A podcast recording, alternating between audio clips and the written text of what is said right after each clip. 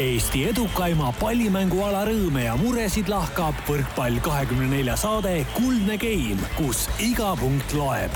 taustajõuna hoiab mängul hoogus ees Kredit kakskümmend neli tere, austatud kuulajad, käes on kaheksas detsember ja seoses täna ehk teisipäeva õhtul aset leidva Saaremaa võrkpalliklubi euromänguga oleme me otsustanud seekordse saate juba lindistamise päeval üles panna. Mantamaja stuudios on äh, muutunud võrreldes eelmise nädalaga nii palju, et lisaks Karin Aldole, Rene Teppanile ja Rivo Vesikule on taas stuudios ka Andres Toobal, tervitused kõigile!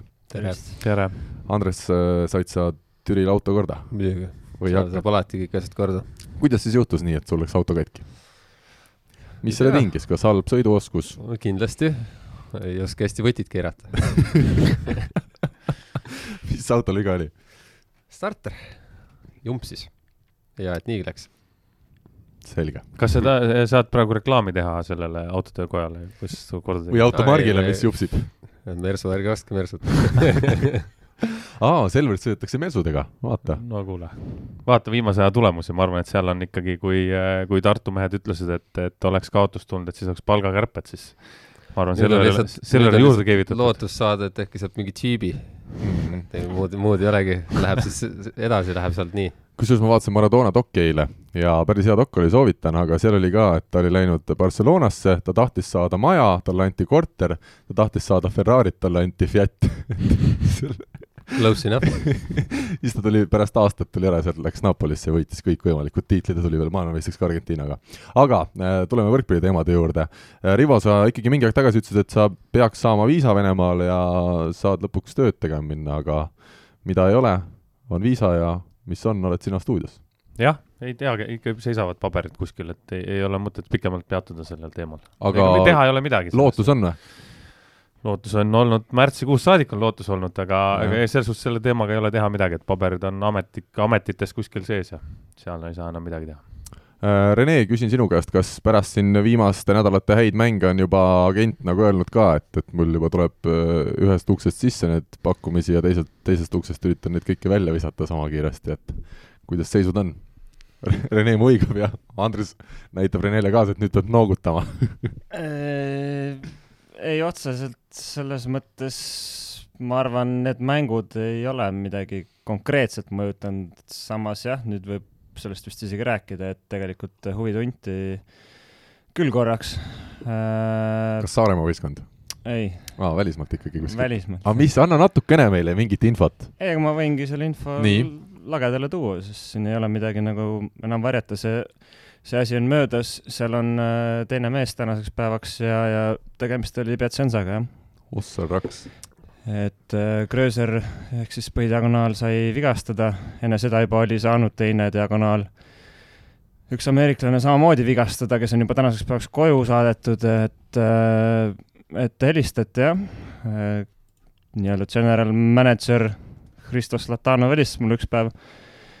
Ja, ja arutasime natuke asja, kuulas maha, et kuidas, kuidas mul on seisud, kuidas on tervis, kuidas on võimalik äh, seda üleminekut äh, teoks teha. et äh, noh, ilmselge oli see, et ma ei ole päris ainus variant seal.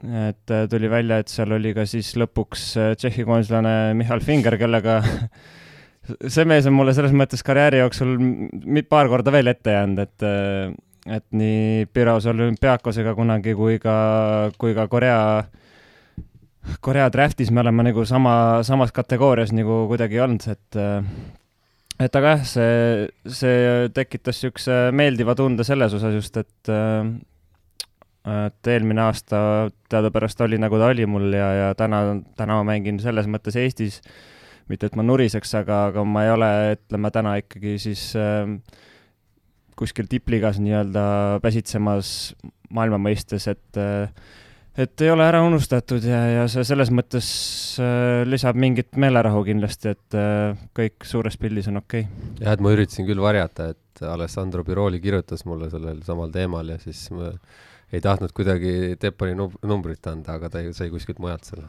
kas äh, ma ütlen tegelikult ei olnud, tegelikult oli kirjutus, aga ma ei jõudnud nii kiiresti talle vastata, ta juba sai. kuule, aga Biroli, ma just ütlen, ta oli siis Selveri treener meil eelmisel aastal, aga kas ta nüüd tegeleb hoopis kinnisvaraga, ma olen aru saanud, või see kinnisvara ongi mängijad hoopis, keda ta ka vahepeal siis nagu aitab või? eks ta vist, talle meeldib seal arvuti taga istuda ja, ja kõike muud teha, ei neil, ta ikka on treener ka, aga, aga nagu näha, siis ega nad istuvad ka seal päris, ma ei tea, mitu kus ta on, ta on kuskil ta on seal oma, ma ei tea, kodu koduklubi, kodu nii-öelda linnas ja neil oli äh,, nad on minu meelest praegu siis äh, nii-öelda A3 äkki jah, aga neil on, neil on nagu jah, aga neil, nagu ma aru sain ja ma olen siin rääkinud ka mõnedega, siis äh, pidi olema päris hea võistkond, et nad kindlasti tahavad tõusta nagu A2-te. ja nagu vahendeid pidi ka olema ja, ja mehed nagu piisavalt tead, et aga noh, praeguses olukorras ei tea kunagi aga Finger sinna Piacenzasse siis lõpuks läks, kuus võitu, kuus kaotust, Piacenza võistkonnal hetkel Itaalia kõrgliigas kirjas, mille taha siis sinul see jäi, kuidas see suhtlus välja nägi? no ma vaatasingi jah, seda viimast mängu ka, et äh, üles antud teda veel ei olnud, et ju siis ma ei tea, kas ta pidi jääma karantiini või, või mis iganes, et ma sain aru, et neil on vaja eurooplast, kuna seal oli mingisugune mingisugune viisa, mingisugune teema, ma täpselt ei oska sulle täpsustada, aga, aga ütleme, Äh,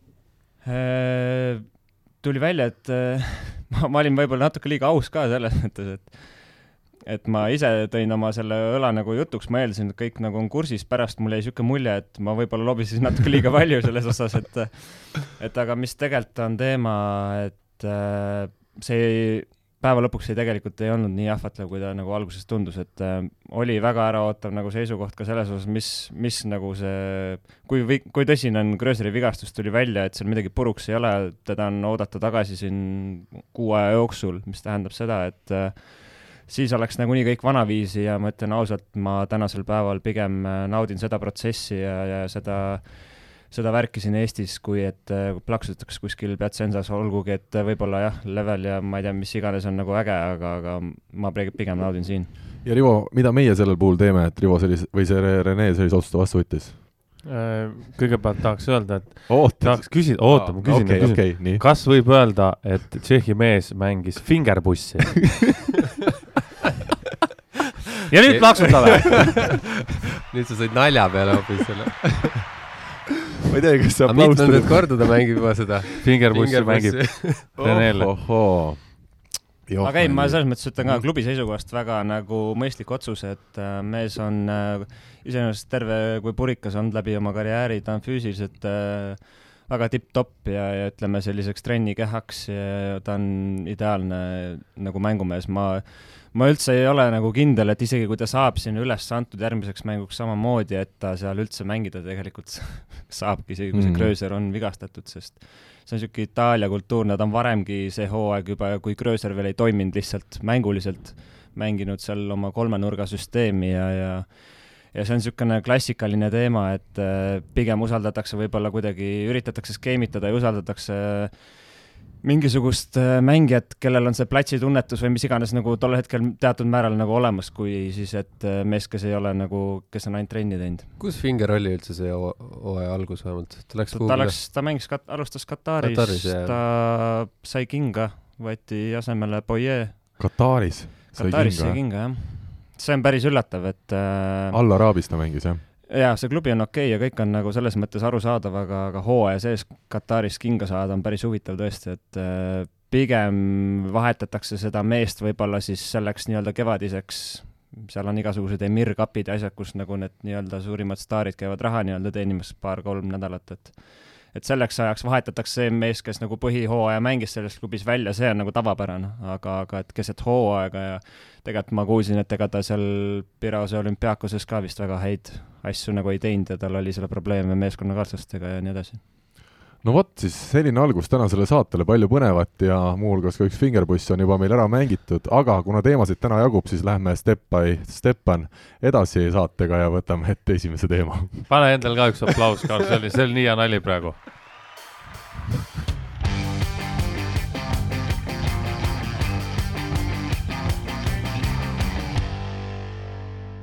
Eesti meeste karikafinaalis kohtuvad tänavu siis Tallinna Selver ja Tartu Bigbank, kes olid äh, mõlemad siis viimase nädala jooksul äh, selle finaali koha omale tagamas. Selver alistas kahel korral väga kindlalt mulluse hõbemedalisti Saaremaa ja mängib nelja-aastase pausi järel finaalis ning Tartu kaotas avamängule küll TalTechile üks-kolm, aga võitis kordusmängu kodus juba kindlalt kolm-null ja kuldse game'i suisa viisteist-kolm, nii et saab kahekümne teisel detsembril kodus tiitlit kaitsma asuda. esiteks Selver Saaremaa ja Rivo lähe-, läkski siis sedasi, et äh, Selver kolm mängu järjest sai äh, Saaremaa vastu kindlalt kätte ja neist kaks viimast siis need karikamängud. ütle nüüd sina, kuidas see võimalik on, et, äh, et see kõik nii ühepoolseks kujuneski? See on väga hea küsimus, eks me oleme arutanud seda teemat ja, ja ma jään enda sellele arvamusele kindlaks, et, et selle välismängijate äralangemine praegu on see, mis on saanud Saaremaale siis natukene saatuslikuks. aga ma võtan siit kohe teema sisse, Indrek Pulk, keda me oleme väga palju kiitnud tänavuse hooaja alguses ja ka põhjusega, kordus mängus viis punkti, miinus üks. Äh, jah, jah, ja teises mängus oli ta halb, aga mina arvan, et seal äh, sided kõiguvad praegu üsna toorelt Saaremaal, et äh, see on kusjuures nii uskumatu, sest me rääkisime paar kuud tagasi, kuidas Renet Vankeril on probleeme Selveri meeskonnas ja kuidas Saaremaal on ikkagi Aleksander Tuš, kes ei, no, on väga kindel mängumees. mingi hetk oli ta ikka, vaatasid ja, ja mõtlesid, et, et ongi selle liiga parim äh, side aga tänaseks on tema tase nagu läinud kõvasti madalamaks, see on sellepärast ilmselt selle Volanskiga seal vahetatakse ka edasi-tagasi. nii, aga nüüd natukene üritame spetsiifilisemat vaatenurka siia sisse tuua, küsin Andres ja Rene teie käest, kas, olge ausad, Indrek Pulk oli ikkagi number üks mees, kellele te oma kõikides koosolekutes ja asjades keskenduma hakkasite, et kõigepealt tuleb see mees kinni saada, olen ma, olen ma õigel teel? No kui rünnakut võtta, siis, siis jah, eks, eks seal on teada ju kaks, kaks liidrit rünnakul on, on ju, Sousa ja Pulk, Pulk, et noh, et selles mõttes äh, see on nagu, oli nagu kindlasti nagu kõige, kõige tähtsam ja, ja tempodes siis äh, Lopes, et noh, need on need kolm meest, kes nagu järjepanu said. aga Sinkonen, ma ütlen ikkagi mees, kes on mänginud suurturniiridel Soome koondise põhikoosseisus, kas ja, tal, ta, ta ei ole ole täna enam nii hea ei, lihtsalt või? ta ei ole, ta ei ole otseselt, ongi või ta on plokimees? ta on nagu plokimees ikkagi, et äh, pigem, pigem tema kvaliteet tuleb ikkagi sealtpoolt. selge. kuidas te ise selgitate, Rene, sellist äh, finaali pääsu. Äh, kui ma Robert Tähega rääkisin muuhulgas teie mängust, siis tema ütles ka, et ta teadis, et Selveril on ju mehed olemas, et mängida hästi ja Saaremaad võita. aga et te nii kindlalt, nii mitu järjest äh, mängu võitsite, oli tema jaoks ka väike üllatus. kas sinu jaoks oli ka üllatus?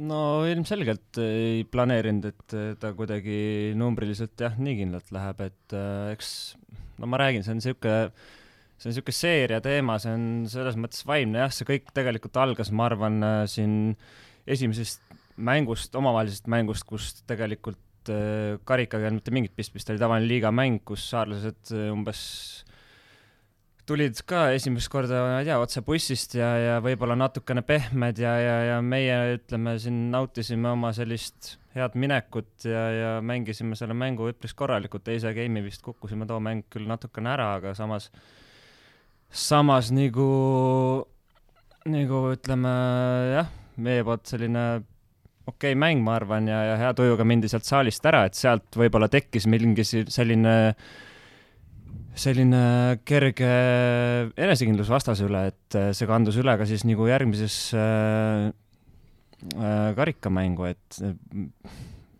mul on hea näide tuua näiteks äh, tol mullusest MM-ist, kus äh, kus Serbia võistkond mängis Poolaga äh, et Serbial oli kõik kindel, täitsa nagu ükskõik äh, sellest mängust, ülihea hoog oli tegelikult sees neil turniiri mõttes.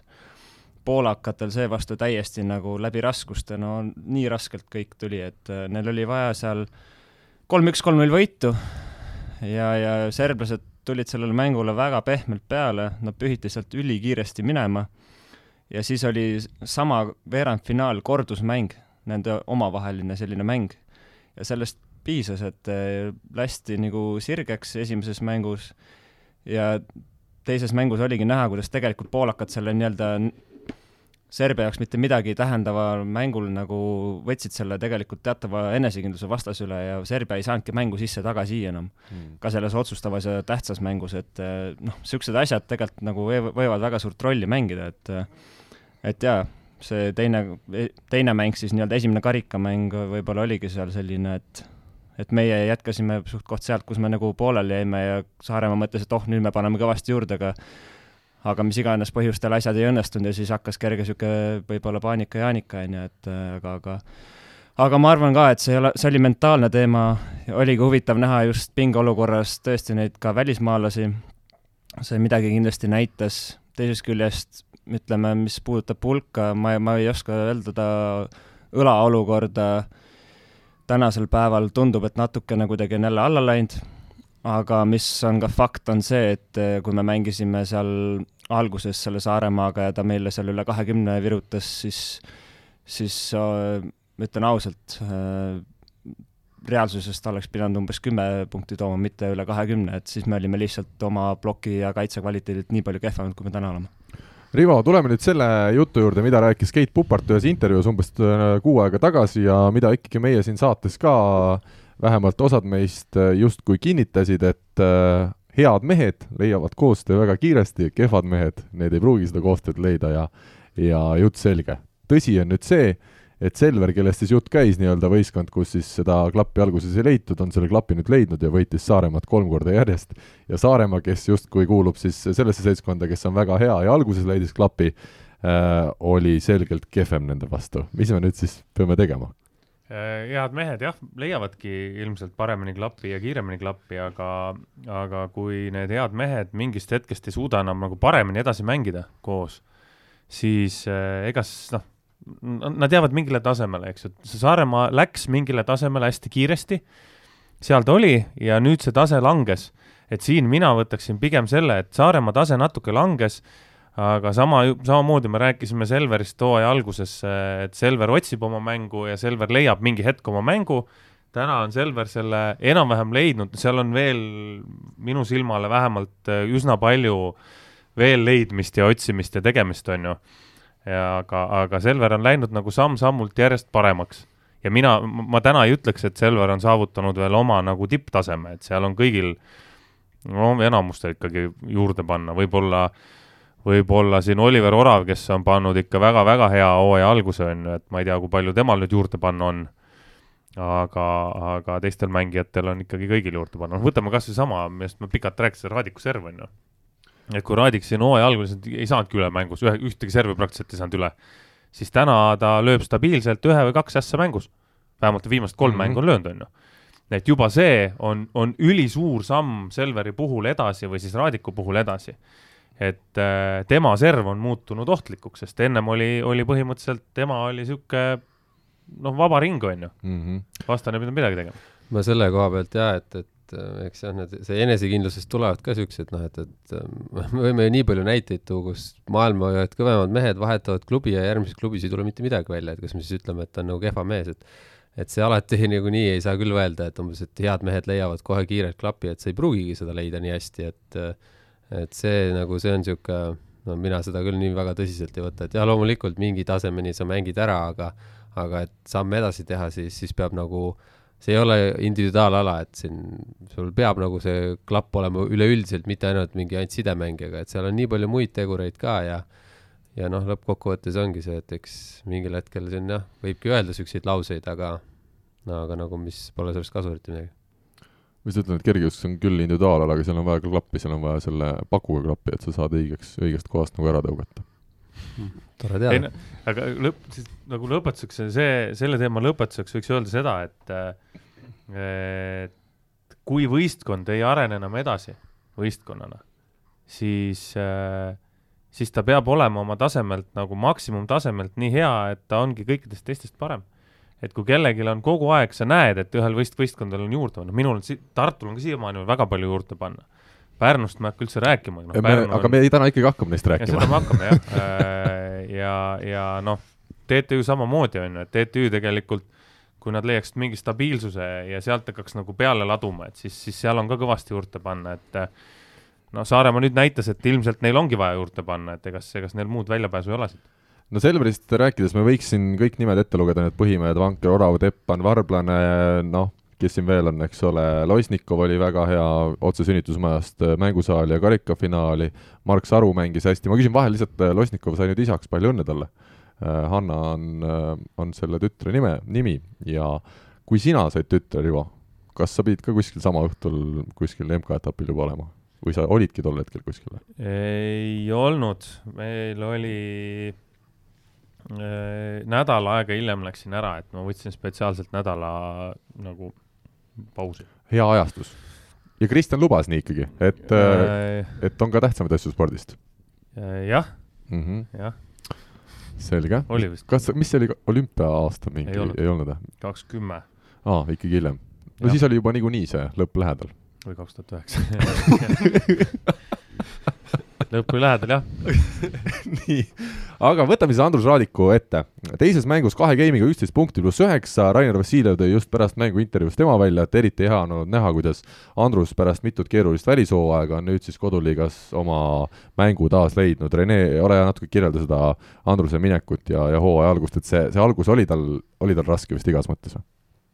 no ilmselgelt oli jah, ütleme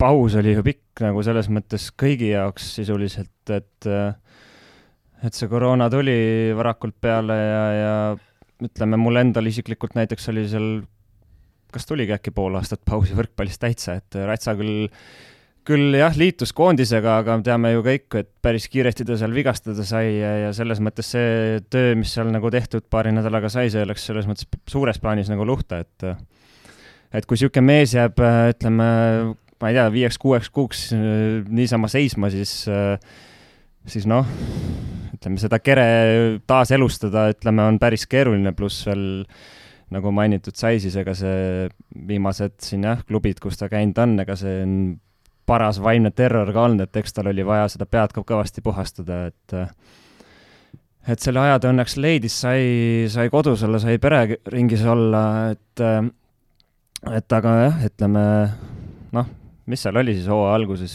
eks meil kõigil oli raske, mul endal täpselt samamoodi, et et erinevatel põhjustel noh, ei olnud harjunud tõesti, et see ma ei tea, jalad kuidagi nii, nii aeglaselt käivad all ja nii edasi, et ega sa pead kogu aeg selle, lähtuvalt sellele nagu korrigeerima, et muidu sa võidki täitsa auku kukkuda, et kui sa pead endale aru andma, mis seisus sa parasjagu oled, et et ma ei tea, hommikul, kui sa lähed ründad trennis, sa ei saa samamoodi alati nagu rünnata, et keha lihtsalt võib-olla ei ole valmis ja sa pead sellega nagu arvestama, et et tal oli sama teema, et mis tema puhul on ülioluline, on see, kuidas, kuidas need jalad seal all toimivad, kui need jalad lähevad kergemaks, siis ta jõuab sellele pallile alla, samamoodi servil, siis ta suudab jalgadega parandada, kui see vise on natuke kehvem ja nii edasi, et et eks ta niisugune mingis mõttes äh, tangi liikumisega mees ole, see on selles mõttes selge, aga mis, mis ta suur pluss on ilmselgelt, on see, et ta näeb väga hästi plokki, ta näeb väga hästi platse ja ta on selline positive player, kes nagu väga, väga mingisuguseid vigu ei tee, enne kui me selle servi krahhi siin vahepeal kõrvale jätame, et, et ta pigem on jah, selline sta-, stabiliseeriv mängija, pluss siis jah, see võitlusvaim ja, ja nii-öelda teiste mängijate toetamine. ja täpselt, ma tookski selle just see see kapteni nii-öelda kohustus või, või, või see vastutus, mis, mis on, et mida ta nagu väga hästi, et, et kõik mehed ju selgelt näevad, kui palju ta, palju ta trennis vaeva näeb ja, ja mismoodi ta platsil on, et, et ei, ei kõiguta teda ka võib-olla need siin kurikuulsad servid, et et kõikide muude asjadega ta üritab võistkonda nii palju kui võimalik aidata ja, ja ja et selles mõttes nagu jah, peab nagu kiitma, et ja nüüd ta on ikkagi kõva-kõva sammu edasi teinud, et on tea-, oli teada, et tal läheb veits rohkem aega, kuna kuna see keha raske ja tema vajab väga korralikku ja kõva jõusaali kogu aeg, et, et püsida mängus ja, ja no selle aja ta nüüd lõpuks nagu sai ära kannatatud ja ja, ja lähme samamoodi edasi. aga minul tekib siit nüüd küsimus, et kui me oleme arutanud varem ka, et äh, kas ja, ja, ja mida üldse Raadikust kui Eesti koondisest veel tulevikku silmas pidades rääkida, kolmkümmend neli aastat on tal siis vanust, et äkki siin enam asja ei ole, siis täna võib küll öelda, et kui me vaatame järgmise aasta kodus e, kodust EM-finaalturniiri, siis tema justkui hetkeseisuga oleks üks kindlamaid mehi, keda julgeks seal ka tähtsates mängudes väljakule panna, ühtpidi nagu me oleme ja nagu te just ütlesite, ta mängib hästi hetkel ja teiseks, nii nagu te samuti ütlesite, et need kogemused enesekindlus, need on asjad, mis annaks võistkonnale kõvasti sellistes mängudes juurde, et äh, olete te nõus sellega, et Raadikut kui Eesti koondislast me ei saa küll kuidagi veel mängust välja jätta? ei, kindlasti ei saa jah, peale siin mingit mängu korra sai paar sõna vahetatud Hanno Pevkuriga, et, et äh, ta oli vist mingil määral ka siin koondise peatreeneriga mingi aeg suhelnud ja ja koondise peatreener vist oli andnud nagu mõista, et selle nurgaosakonna puhul ongi just väga keeruline mingisuguseid valikuid teha, et meil on üksteist meest seal umbes äh, valikus, et nüüd ma ütleks küll, et võtke nüüd äh, rahulikult tuure maha, et kui me räägime nendest meestest, kes päriselt ka midagi nagu peaks korda saatma rahvusvahelisel tasemel, siis meil kindlasti ei ole ühteteist meest, et ega me päris Poola ei ole, on ju, et et igasu-, igal juhul selline Raadiku-sugune võib-olla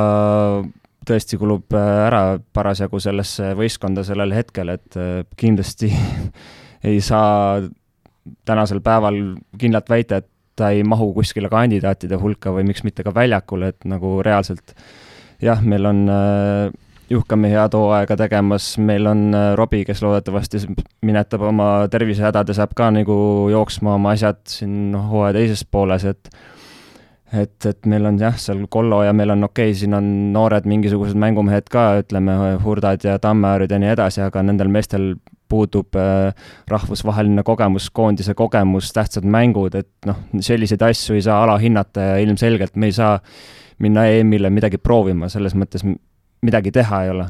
Äh, ei ole vaja võib-olla ülepea mingisse survesse uppuma hakata, et me kodus mängime ja nii edasi, aga fakt on see, et viimased kaks EM-i läksid aia taha ja mina ütlen küll, et äh, endiselt, et me, me oleme natuke ebaõnne sõdurid olnud, sest me oleme õhuke koondis ja ja kui nüüd detailselt mõelda, mis ühel või teisel turniiril juhtus, siis paraku päris palju läks ikkagi tervisenahka ka see üritus, et äh, ma väga südamest loodan, et me saame, saame täistuuridel äh, seda asja see, sel suvel teha no vot äh, jah, see on päris huvitav teema ja isegi kui ütleme, et meil on tänase päeva põhjal siis näiteks Täht ja Juhkami põhikoosseisus koondisel ja ütleme siis keegi noortest, kas Surt Tammearu või keegi kolmas on seal kolmas nurgaründaja ja siis sel juhul isegi oleks kas või Raadik selle neljanda nurgaründajana ju väga vajalik mees, keda sa tead, et ta tuleb väljakule ja teeb oma asjad ikka ära, kui seal põhimeestest keegi hakkama ei saa või kui keegi noortest siis värisema hakkab. no pluss veel jah, see ütleme, tema mentaliteet, ta on tõesti meeskonnamängija ja selles mõttes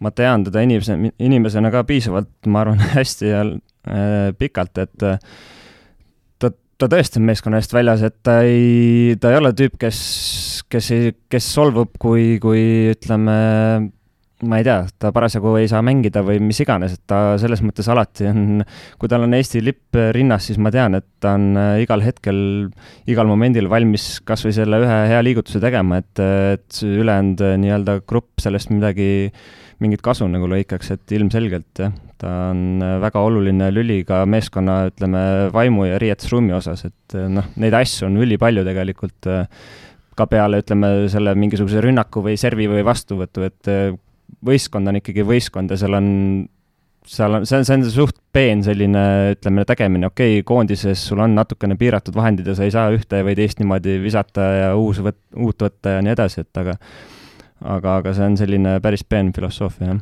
ma toon ühe kiire näite siin veel, et Andrust iseloomustada natukene kuulajatele. pärast mänge ikka tihti jään sinna spordihoonesse lugusid tegema, veel kirjutama, kui juba teised on kõik ära läinud. ja üks mäng siis pärast Selveri mängu äh, oli, ma ei tea, tund või rohkem mängust möödas. mina ja seal oli veel see Selveri kogukonnajuht Gerda Kiisa, kes meid kindlasti kuulab, tervitame siinkohal, olime jäänud siis saali oma erinevaid töid tegema ja Andrus tuli siis hiljem ja, ja võttis meile mõlemad need, äh, mis teil on see poke bowl või on teil see toetav? Poke bowl jah, et see, see, teil oli vist ülejäänud seal riietusruumis kakssada toitu ja, ja tõi, tõi siis meile ka, et selline kapten, kes tõesti oskab ja, ja mõtleb ka natukene väljapoole sellest, kuhu võib-olla tema ülesanded ei peakski nii väga tegelikult äh, küündima. nii et tervitame Andrust, loodame, et Andruse vorm jätkuvalt tõuseb ka edaspidi, aga nüüd tuleme selle teise karikamängu juurde. poolfinaal Tartu Bigbank TalTech esiteks äh, kiidaks mõlemat meeskonda, et nad ikka oskavad seda niigi ülipõnevat hooaega veel põnevamaks teha. Äh, esiteks, esimene mäng laupäeval TalTechis kolm-üks siis TalTechile, milline suur üllatus, milline mäng, milline atmosfäär seal Tallinna Tehnikaülikooli spordihoones oli. et äh, võtame kõigepealt TalTechi ees mütsi maha, Rivo, oled sa nõus, sul küll Rivo enam mütsi peas ei ole, sa võtsid selle juba enne saadet millegipärast ära, aga, aga nad on väärt kiitust. muidugi, loomulikult on väärt kiitust, jah esimest mängu mina küll ei näinud, aga, aga kõik, mis ma uudised olen lugenud ja mingid videoklipid vaadanud, siis äh, siis võistkond võitles äh, ikkagi, võitles nagu lõpuni välja ja, ja seda on just hea näha, et, et, et seal oli nagu justkui neliteist Andrus Raadikut ühes mängus väljakul, kuigi noh, me jõuame ka sinna, et teises mängus ei olnud nagu ühtegi enam sellist äh, samasuguse emotsiooniga meest, aga aga sellest esimesest mängust ma küsin nii, kõigi teie käest, kuidas on nüüd võimalik, et Tartu-sugune võistkond, kes on hooaega väga hästi alustanud, kaotab selle väga tähtsa karika poolfinaali esimese mängu nii kehva mänguga ikkagi? Äh, siin on tartlastega juttu olnud, nad ütlevad, et ikkagi see TalTechi saal ongi eriline ja seal ongi raske mängida, aga mina küsin, et kas ikkagi hea võistkond ei peaks igas saalis hästi mängima?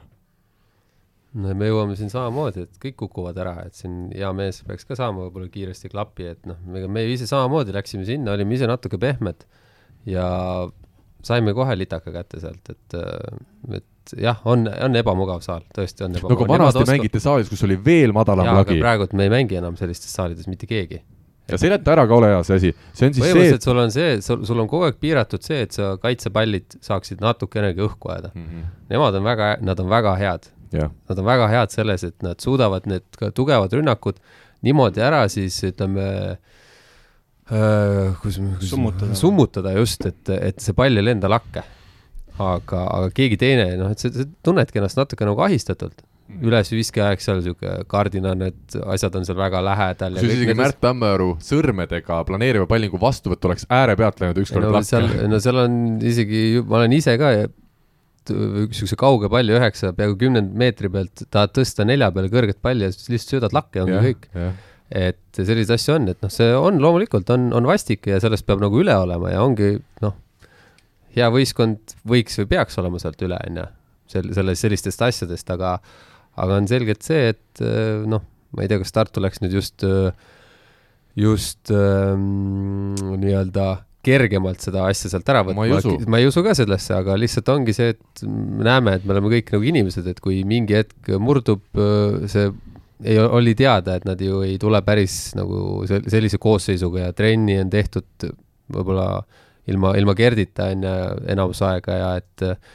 ja, ja võib-olla see võttiski niisuguse värina sisse, et siit ma toon täpselt selle näite, et noh, et, et kui noh, ongi niisugune Andrus Raadikulik mängija nagu keegi, kes võib-olla ise ei teegi seal platsi peal võib-olla nii head mängu, aga ta suudab seda gruppi hoida koos Tartu oli selgelt näha, et, et seal ei olnud seda, seda meest niimoodi platsil, kes, kes oleks õigel ajal tulnud ja, ja mehed nagu natukenegi süstinud niisugust enesekindlust.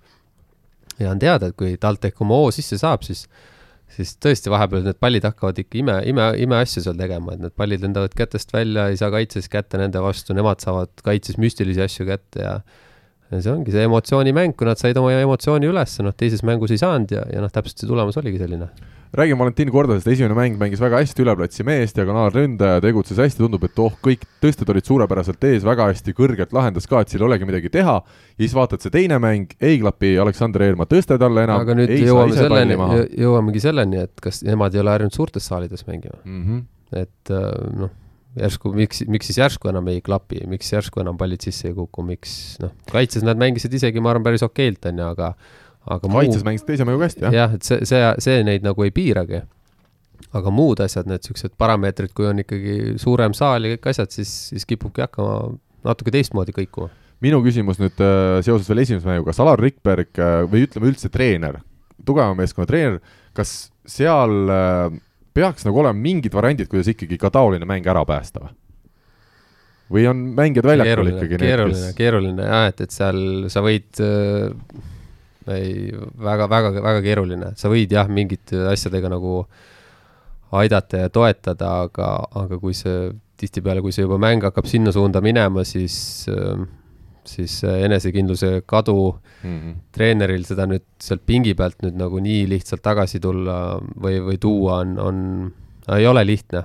on võib-olla mingeid erandeid, aga tihtilugu need ei, need ei õnnestu ja, ja pigem peaks ikkagi siis olema see, et et sa suudad kellelegi platsi peale panna siis niisuguse äh, mehe, kes võib-olla natukene toob seda tagasi või siis tõesti leidma mingi väga niisuguse, mingi niisuguse augu vastasvõistkonna poole pealt, kus siis nagu hakata uuesti kärisema niimoodi, aga ma ei, TalTechil seekord seda nagu ei olnud, kus, kus kohast oleks seda väga nagu näinud, et kellegi peale suunata kõik pallid, et sealt äkki hakkab midagi halvasti minema nädala tsitaat tuleb ka siinkohal, pärast teist mängu, milles Tartu võitis, sai Rait Rikbergi käest küsitud, et kas esimeses mängus läks ka liiga palju meeste vahel omavahel sõnelemiseks, siis ta vastas mulle, et võib-olla sulle tundub see jah nii, aga meie jaoks on see argipäev. Et vana hea Rait oli ka äh, hoos, aga ega, ega kerge vist seal noortel meestel kõrval ei ole, Rene on, äh, on Raiduga koos mänginud, kuidas see noore mehena just oli, kas ikkagi tuli kõvasti läbi tule ja, ja kõige muu äh, läbi minna, et, et see karastus kätte saada või? jah, oleme koos mänginud palju, et äh, tead, me olime seal Tartu ajal ikkagi need noored, mitte sellised tänapäeva, ütleme, Harju keskmised vaiksed mehed, vaid me olime parajad naasklid, kui me juba sinna läksime, et et, et meid oli seal rohkem kui üks ja, ja ega Raidul selles mõttes suurt nagu ütleme, tal oli keeruline, et, et ei olnud seal vaja ühte meest pidurdada nii palliplatsil kui ka selle väliselt, vaid oli neid mehi rohkem, et et seal võib-olla tal niimoodi see asi ei toiminud, kui ta toimib täna, et täna noh, näed isegi, et paraku, ma ütlen paraku ausalt, et äh, vaatad neid noori mehi ja üha vähem sa näed sellist äh, põlemist ja, ja sellist nahaalsust ja no, läbi seina. aga sisemiselt nad põlevad, ma arvan. see on lihtsalt erinev tüüp inimesi, ei või?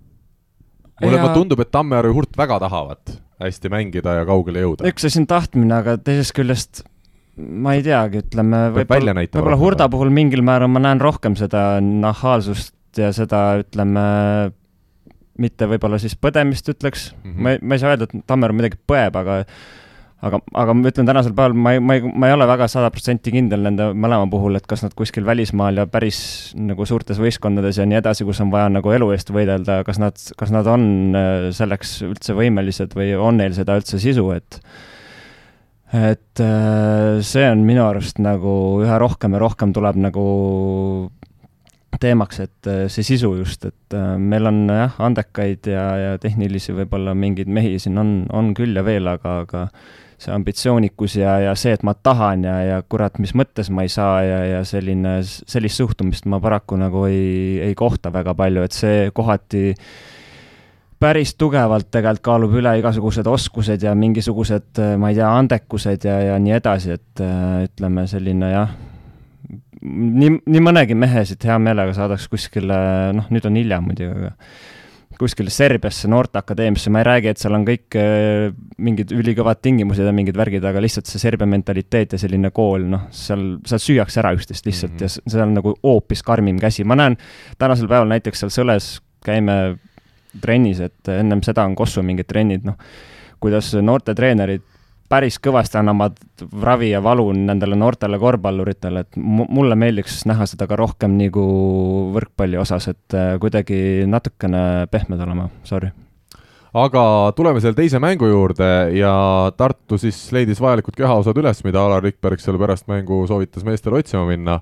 Ja kolm-null võit üheski game'is ei saanud TalTech siis kahtekümmet punkti kätte ja kuldne game siis suuresti tänu Märt Tammearu väga pikale serviseeriale, mis siis algas seisult kaks-üks ja lõppes seisule üheksa-üks, tõi viisteist kolm kuldse game'i võidu. Rivo, sõna sulle, kas nüüd Tartu siis teises mängus tegi selle lihtsalt ära, mis ta tegema pidi või?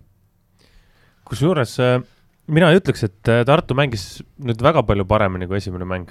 ega sealt nagu suurt juurde ei tulnud. ma ütlen lihtsalt vahele, et sinu sõnu tegelikult kinnitavad natukene ka statistilised numbrid, kui me võtame Siim Põlluääre rünnakuprotsendi ja võtame Märt Tammearu rünnakuprotsendi, siis need olid vastavalt kolmteist ja kolmkümmend. Ja need on ju põhilised ründejõud ikkagi Tartu meeskonnal, jah? no jaa, ei noh, ma ütlen, et ega sealt Tartu poolt nagu midagi suurt, suurt midagi juurde ei tulnud, on ju, Gert natukene teine kiirus tõstel asjad. No serv ka ikkagi oli oluliselt tugevam Tartul noh, jah. aga jah, Gert Toobali siis äh, algkoosseisu tagasitulemine Ronald Järve asemel äh, oli kindlasti üks võtmemomente äh,. võtmemoment oli, oli TTÜ poolt oli pigem see koht, kus äh, nagu ennem sai räägitud, et kui nad mängivad oma emotsiooni pealt, kui nad mängivad nagu emotsiooni pealt ja positiivse emotsiooni pealt, siis nad võivad mängida väga hästi, nad hakkavad seal hullu ajama ja, ja panevad, mängivadki hästi aga nüüd neil on see teine emotsioon, emotsionaalne pool on negatiivne, et nii kui neil tuleb e-, negatiivne emotsioon sisse, siis nad kukuvad väga kiiresti. üks pall oli, kus äh, minu arust, see oli esimeses game'is oligi, kus Rasmus Meius seal mingi hetk tahtis jalaga palli üles mängida, lõi mööda sellest pallist või mis iganes seal toimus. ja siis kaks meest laiutasid käsi, vaatasid talle otsa, et umbes, et mida sa teed ja sealt läks, kogu mäng läks sealt mm. alla, nagu kogu mäng tuli ka praegu meelde üks hetk, kus oli siis äh, Aleksander Eermaa sidemängija andis nurka tõste Tamur Viidalepale, meeskonna kaptenile, ja see tõste oli liiga võrgu peal seal, Viidalepp ei saanudki seda palli nii palju üldse kuidagi suunata, et see üle võrgu oleks läinud, vaid see tuli oma võrgu poolele kohe tagasi.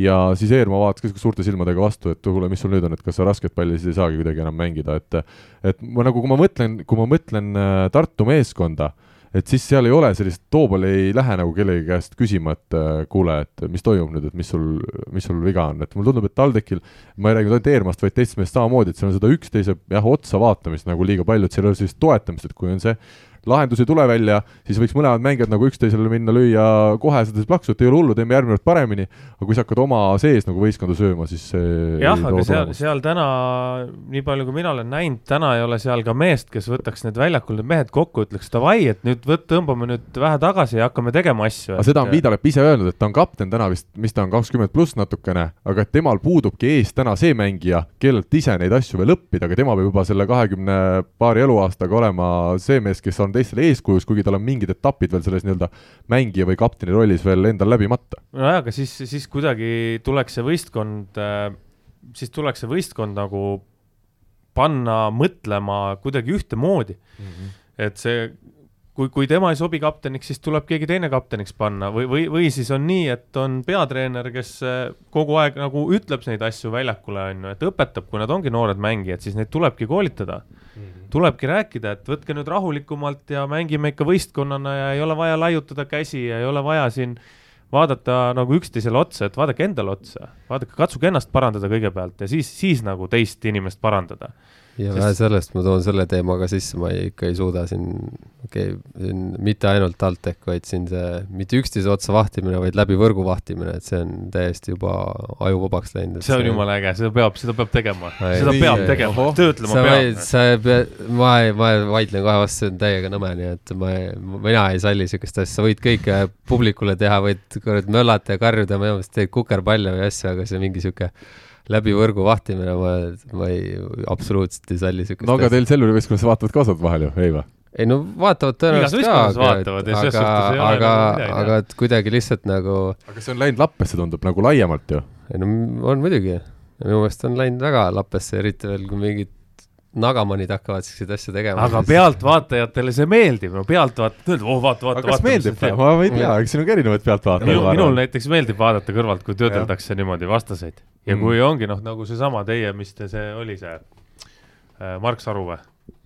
Eelmine saade rääkisime siin, Sinkoneni ikkagi mingi hetk hävitas konkreetselt ära oma mingisuguste liigutustega. jaa, aga vaata, ongi see, et üks on see, et kas sa lööd palli maha ja siis sa lihtsalt jääd mingi tuima näoga lihtsalt otsa vahtima mingeid asju, onju. või siis teine on see, et ongi, et sa keerad selja, näitad kurat selle emotsiooni välja ja nii edasi, et ma ei, uh, ma ei tea, ma, noh, selles mõttes. ei, mina olen, mina olen Andrese paadis siin, mina ütlen ka, et kui mängija lihtsalt lööb palli punktiks ja siis vaatab ülbe näoga teisele poole võrku, siis see nagu no ma saan aru, et see mõjub võib-olla osadele mängijatele, et, et see on nagu kasumlik või kasulik, ma sellega ma olen saavutasin nõus, aga kas nii peab tegema, seda ma nagu ütlen, et pigem ei. mina ütlen selle kohta nii, et kui mängija teeb seda ja teeb seda lõpuni, kui ta lööb selle palli maha ja vaatab otsa, eksib ja vaatab samamoodi julge näoga otsa. aga siis ei vaadata ju. siis on õige, no vot täpselt, aga siit võtkegi mehed siis, võtkegi needsamad kehaosad, otsige välja ja no, vaadake ka siis ja no aga ta küsib su käest vastu, et mida ma vaatan sellele teisele venelale otsa, kui ma olen just palli out'i löönud, noh. siis, siis ma peaks mõtlema, miks ma ei või vaadata ah, mis sa vaatad mind? ei no ongi. ja aga, siis aga läheb action'iks. ei, aga point ongi selles, et seal on mingi noh, sa lööd selle palli maha, onju, sa vahid, onju, ja siis järgmine moment on, lüüakse sul pall endale maha, siis tehakse siuksed hiirekõrvad niimoodi vaikselt pannakse ja. siis minnakse sinna oma võistkonna juurde tagasi. mingi hetk võib-olla lööd uuesti, siis järsku tekivad needsamad kehaosad jube suureks lähevad. nii, aga mind huvitab Rene arvamus sellel teemal. kummale poole kaldud? ma arvan, ma olen sihuke balansis, et ma arvan, et see on okei okay,, kui seda toimub mängu jooksul, selles mõttes, et on mingisuguseid mänge, terbisid, mingeid tähtsaid asju, kus mingi hetk emotsioonid keevad üle see on loogiline ja vahest tulevad need asjad ka ilma planeerimata lihtsalt kuidagi südamest, et see on nagu fine. ja, ja see on ka okei okay,, kui tuleb sulle, ilmselgelt tuleb see kiire vastus sealt teist poolt ka, on ju. aga ma arvan, et igal asjal on piir, et äh, selline konstantne vehkimine ja selline nägude tegemine ilmselgelt nagu ei ole okei okay. ja, ja ütleme ausalt, ega see, sellised asjad, kui sul kui seda tehakse niimoodi stabiilselt, siis see midagi näitab, minu jaoks see on jah, me ilmselt saame aru, millest me kõik räägime hetkel, aga et et minu jaoks see näitas ebakindlust pigem iseenda osas kui, kui, kui midagi muud, et see on selline paanik, paanik, paanitsemine selles mõttes, et ma ei oska enam muud teha kui, kui seda, on ju, et et sa ei näe, sa ei näe tippvõrkpallis niisugust asja, on ju, et äh, mingi Luube Peruzzi ala mängivad, et äh, ma ei tea, Leon lööb palli maha ja siis ta vahib seda Luubet seal kogu aeg, niisugune asi nagu ei tule kõne alla selles suhtes, et seda võib-olla juhtub korra täpselt, ma just sellele tahangi jõuda, et mingis olukorras on väga okei okay,, lähevad üle, mehed võib-olla saavad ise aru, tehakse vastu, lüüakse mm -hmm. plaksu, saadakse aru, et okei okay,, võitlus käib, kõik okei okay,, onju. aga kui see käib nagu selle, sellega, et umbes, et noh, ma nüüd kogu aeg teen. Kas see on nagu stiil, jah? noh, et see, see ongi nagu muutunud natuke nagu stiiliks, et ahah, näed, proovime noh, ja nüüd hakkamegi tegema ükskõik noh, kui ikka mingid täitsa suvaliselt seal liberad juba hakkavad tegema mingeid asju, siis nagu noh mm, -hmm. millest me räägime, siis meie, siis meie see võrkpalli intelligentsus jääbki sinnamaani, et me võime kuradi esiliigas siin taguda ja kõigile teha nagu suvalist nägusid ja, ja ongi kõik, et minu, noh, see on nagu minu arvamus, mina, mina no, ei ole kuskil nagu kui, kui asi läheb nagu rohkem tipu poole, siis seda vähem on, on neid võitlusi ja need on ägedad, need võitlused. aga see ei saa toimuda niimoodi, et ja siis pärast lähen ja löön plaksu, et tegelikult oled sa jumala äge vend. aga tead, mõtle, kus on nagu selles suhtes võrkpall, äh, võrkpall arenenud nii pikalt nii palju edasi, on ju sest mingi hetk kunagi oli see täiesti normaalne, mingi hetk kõik läbi võrgu sõimati, karjuti üksteise peale, kakeldi, kisuti, möllati, tehti ja, ja ei no me rääkisime siin sellest üheksakümnendate alguse. jaa, aga mis tase oli, kas, kas, kas see oli see tase nagu siin Eestis on ju, aga kas mina, ma ei tea, on ju, aga kas Euroopas näiteks, kui, kui ütleme tippliiga või noh, kas siis toimus ka või? kui Villar, kui Villar Loor mängis. seda peab, seda peab kuskilt mujalt uurima, on ju. mina tean seda, mis toimus Eestis, eks olümpiafinaalis vaevalt, et seal mingit mhm. sellist asja toimus, aga aga noh, ma arvan, et see oli nagu kõikide spordialadega, et ta on nagu ajaga kasvanud, on ju, kas võta, võtame kas või mingi korvpalli siin, millest me ka rääkisime eelmine aasta, ta oli nagu jõhkram mäng, kordades jõhkram mäng, eks ju mm -hmm. hoki mingid asjad, kus öeldakse, et davai, et paneme praegustel mängijatel seelikud selga, mingid vanakooli mehed ütlevad, mängige siis, on ju, et see on naiste mäng, mis te mängite. kuule, kas te omavahel olete ka mänginud ju mingeid mänge ju? Teineteise vastu? ei ole. ei ole kunagi või? ei ole vist. Andres ja mänginud. Rivo, ma pean siis silmas. me kumbki ei mänginud siis aga me vaatasime niimoodi pikalt kaugelt nurgast, vaatasime üksteist, jälgisime jõhkralt. aga oota, aga kas siis, kui sa Audenteses veel olid, äkki olin ma Pärnus juba, ei olnud? võimalik, aga, aga ma ei tea, kas sa platsil muidugi siis ei, ei, ei, me, me, ei, me ei ole niimoodi omavahel mänginud nagu väga ei ole. ühe korra oleme ühes võistkonnas lihtsalt olnud ah jaa. sa käisid servimas Kristo Kallale? ja, jah. ahaa, see oli Tallinna Selveri see finaalturniiri hetk.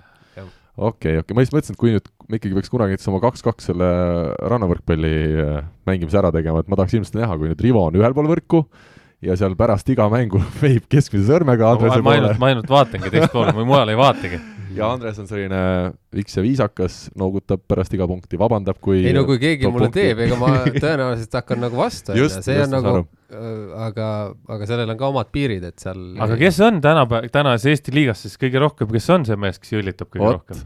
Rene ja Andres. no ma võin öelda, see on, üks on näiteks Keit Pupart, noh mm. -hmm. aga olete tähele pannud, et Keit Pupart valib, keda ta vaatab või?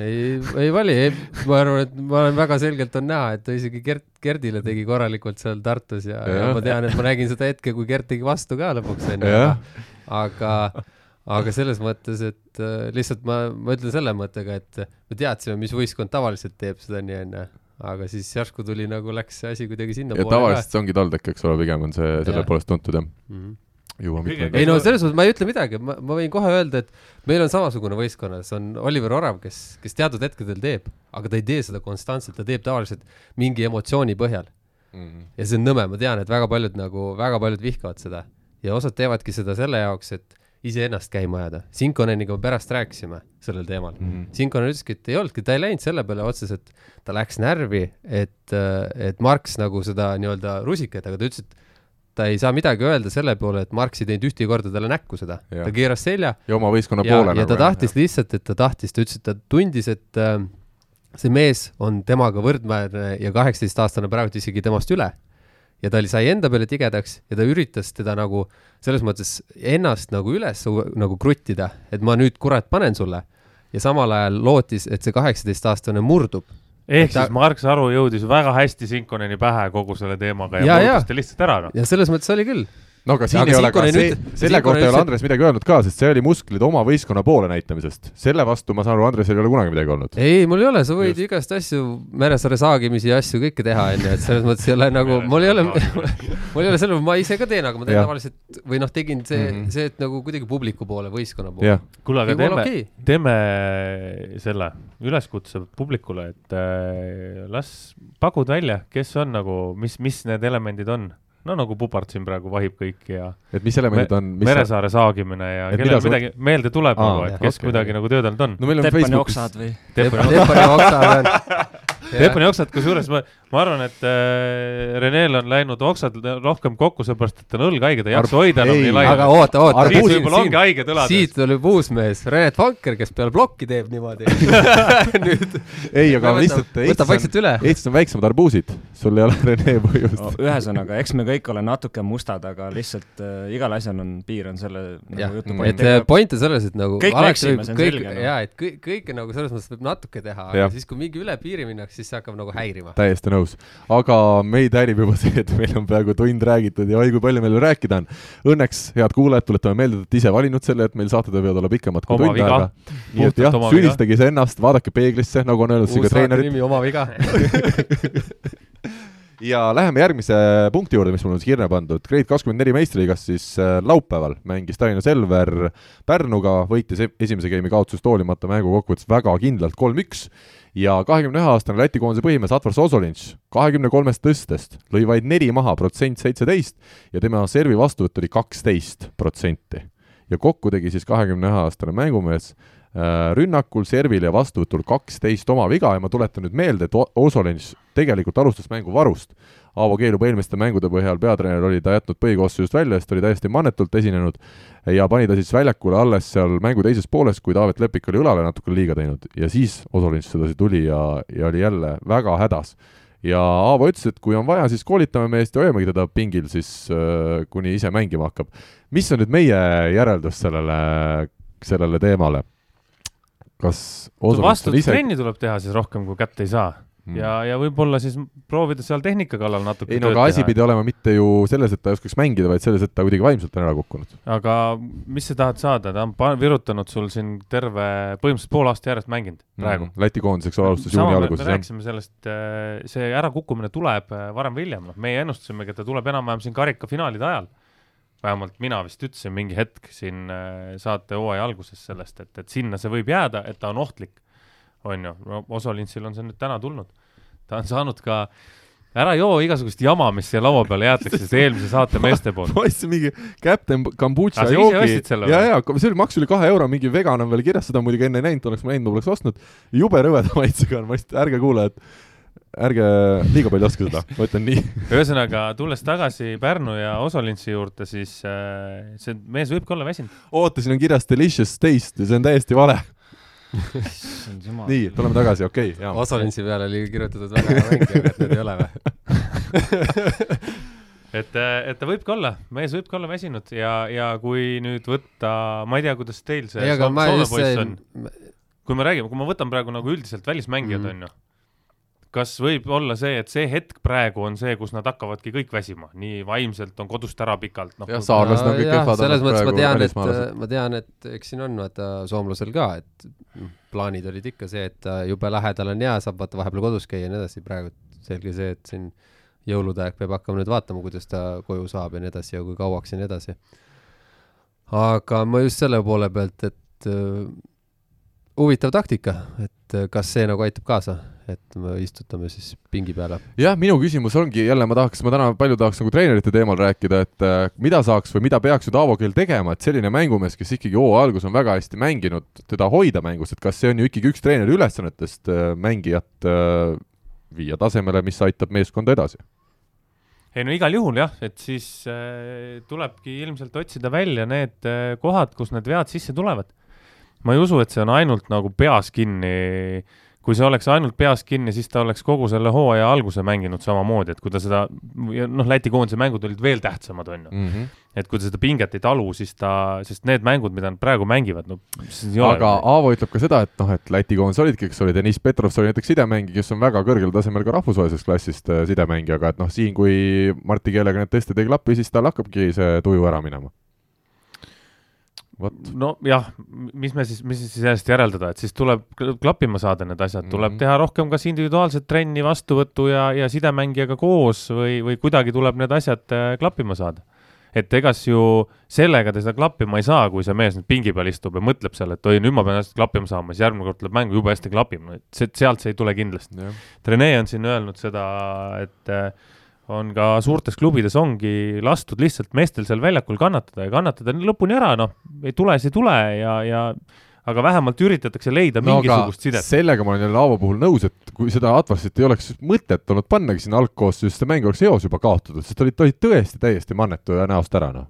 algkoosseisus? Et ta ei tulnud algkoosseisus mängu. ta ei tulnud algkoosseisus mängu, oleks ta pandud algkoosseisu, seda ei olnudki mõtet teda algkoosseisu panda. aga, aga samas nagu... jälle mõtle nüüd teistpidi, on ju, et võib-olla see, et ta, ta tunneb, et ta mängis eelmised mängud arva, halvasti, on ju, ja nüüd jäeti ta algkoosseisust ka välja, et äkki see lööb nagu mängija psühholoogiliselt veel rohkem põhja. et äkki siis seal tuleks, võiks võtta nagu mängija, rääkida mängijaga, öelda, et küsida konkreetselt, mis on. no aga olidki saava... pärast laup-, pärast siis reedest vist trenni olidki kahekesi arutanud neid asju. noh, väga hea, aga siis paned uuesti algkoosseisus mängu ja vaata, ja kui ei tule, siis sa vahetad ta välja, räägid, okei okay,, kõik hästi, davai, tiimil on paika. see jutuajamine ei läinud eriti hästi. jah ja,, et tiimil on asjad paika, hoiame, hoida mängijat nagu pigem nagu positiivse poole peal kui sellega, et et ah, hea küll, et istud, istud kurat siin pingi Aga peal ja paneme kellegi teise. äkki see on see, nagu Renks just ütleski, see mm, nii-öelda Serbia, Serbia koolkond. jah, et kasvab, kasvab, kasvab, kasvab et ja lõpuks tuleb hea mängumees äkki äkki hakkab negatiivse pealt Serbia koolkond on pigem see, et äh, ma arvan, et sul on seal kõrval on kuradi ma kümme meest, kes kõik saavad ühtemoodi sõimu ja tugevam tuleb välja, noh. ma tegin lolli nalja. kuule, jah, meil on äh, pane aplaus. ma, oota, ma panen kohe aplausi. minu, minu, minu kehva nali on tehtud nii, väga hea ja Stuudio nüüd äh, rubriik äh, Andres teeb halba nalja aga lõika see sinna ette pärast. kuule, kuule meil on Saaremaa euromängust veel rääkimata, kuna me tõesti seda saate paneme täna erandolukorras juba teisipäeval, millalgi, millal iganes me selle saatega lõpuks valmis töödeldud saan äh, üles, siis äh, Horodok kaheksandikfinaalis Steph Challenge Cupis ehk siis tugevuselt kolmandas eurosarjas on täna Saaremaale siis Ukrainas vastu tulemas. meeskond, kes Ukraina liigast on seni kaotuseta üheksa võitu, mitte ühtegi kaotust, täna kell üheksateist null null läheb mäng käima ja selle paari võitja siis homme kell kuus peaks, vabandust, homme kell kuus, jah, tänane mäng on kell seitse, homme kell kuus läheb vastamisi kas Praha või Lissaboniga uh,. Rivo, sina oled juba teinud eeltööd ukrainlaste kohta, sinul üldse see idablokk on kuidagi noh, arusaadavatel põhjustel. Must meri, asjad, värkid. ja, jah, käpas mul seal omad mehed sees. just, et räägi siis natukene, sa olid ukrainlaste kohta kuulnud sellist infot uh, pidavat olema väga halb võistkond täitsa ilma naljata, et need, meie see Venemaa koondise statistik ja, ja siis üks uh, võin eksida, aga minu arust töötab Moskva Dünamo võrkpalliklubi mingisuguse füüsilise osakonna funktsionäärina ka üks Ukraina, mõlemad Ukraina tüübid on ju, kui ma küsisin selle Hodoroki võistkonna kohta, siis ütles, et ei no mis seal mingid osad on niisugused võimsad, aga hirmus kandilised, et, et ei ole väga hea võistkond. aga kui sa vaatad Moskva Dünamo vaatenurgast ja Venemaa rannavalvekoondise vaatenurgast, siis võib-olla tundubki Ukraina iga, iga võistkond selline no jah, ranna, rannavalve statistikas jube palju mehi on platsil. jah, liiga palju on, et kuidagi, kuidagi nad ei ole see mängu mõttest ei ole aru saanud ja löö-, tähendab, koksamist on vähe. et juba kuus meest on platsil, ikka pall vahest kukub maha. Aga jah, see, nii nad ütlesid ja, ja ilmselt seal üks, üks point ongi see, et äh, oleneb, kustkohast sa seda täpselt vaatad, et äh, siis nad küsisid minu käest, et no kuidas siis see teie, see saa-, Saaremaa on siis ma ütlesin, et ei no kõva võistkond ikkagi, et Eestis nagu liider ja, ja, ja noh, ikkagi väga head mängijad ja kõik nii ja naa ja siis, siis nad ütlesid selle peale umbes, no siis te kindlasti võidate, et ukrainlased on kehvad.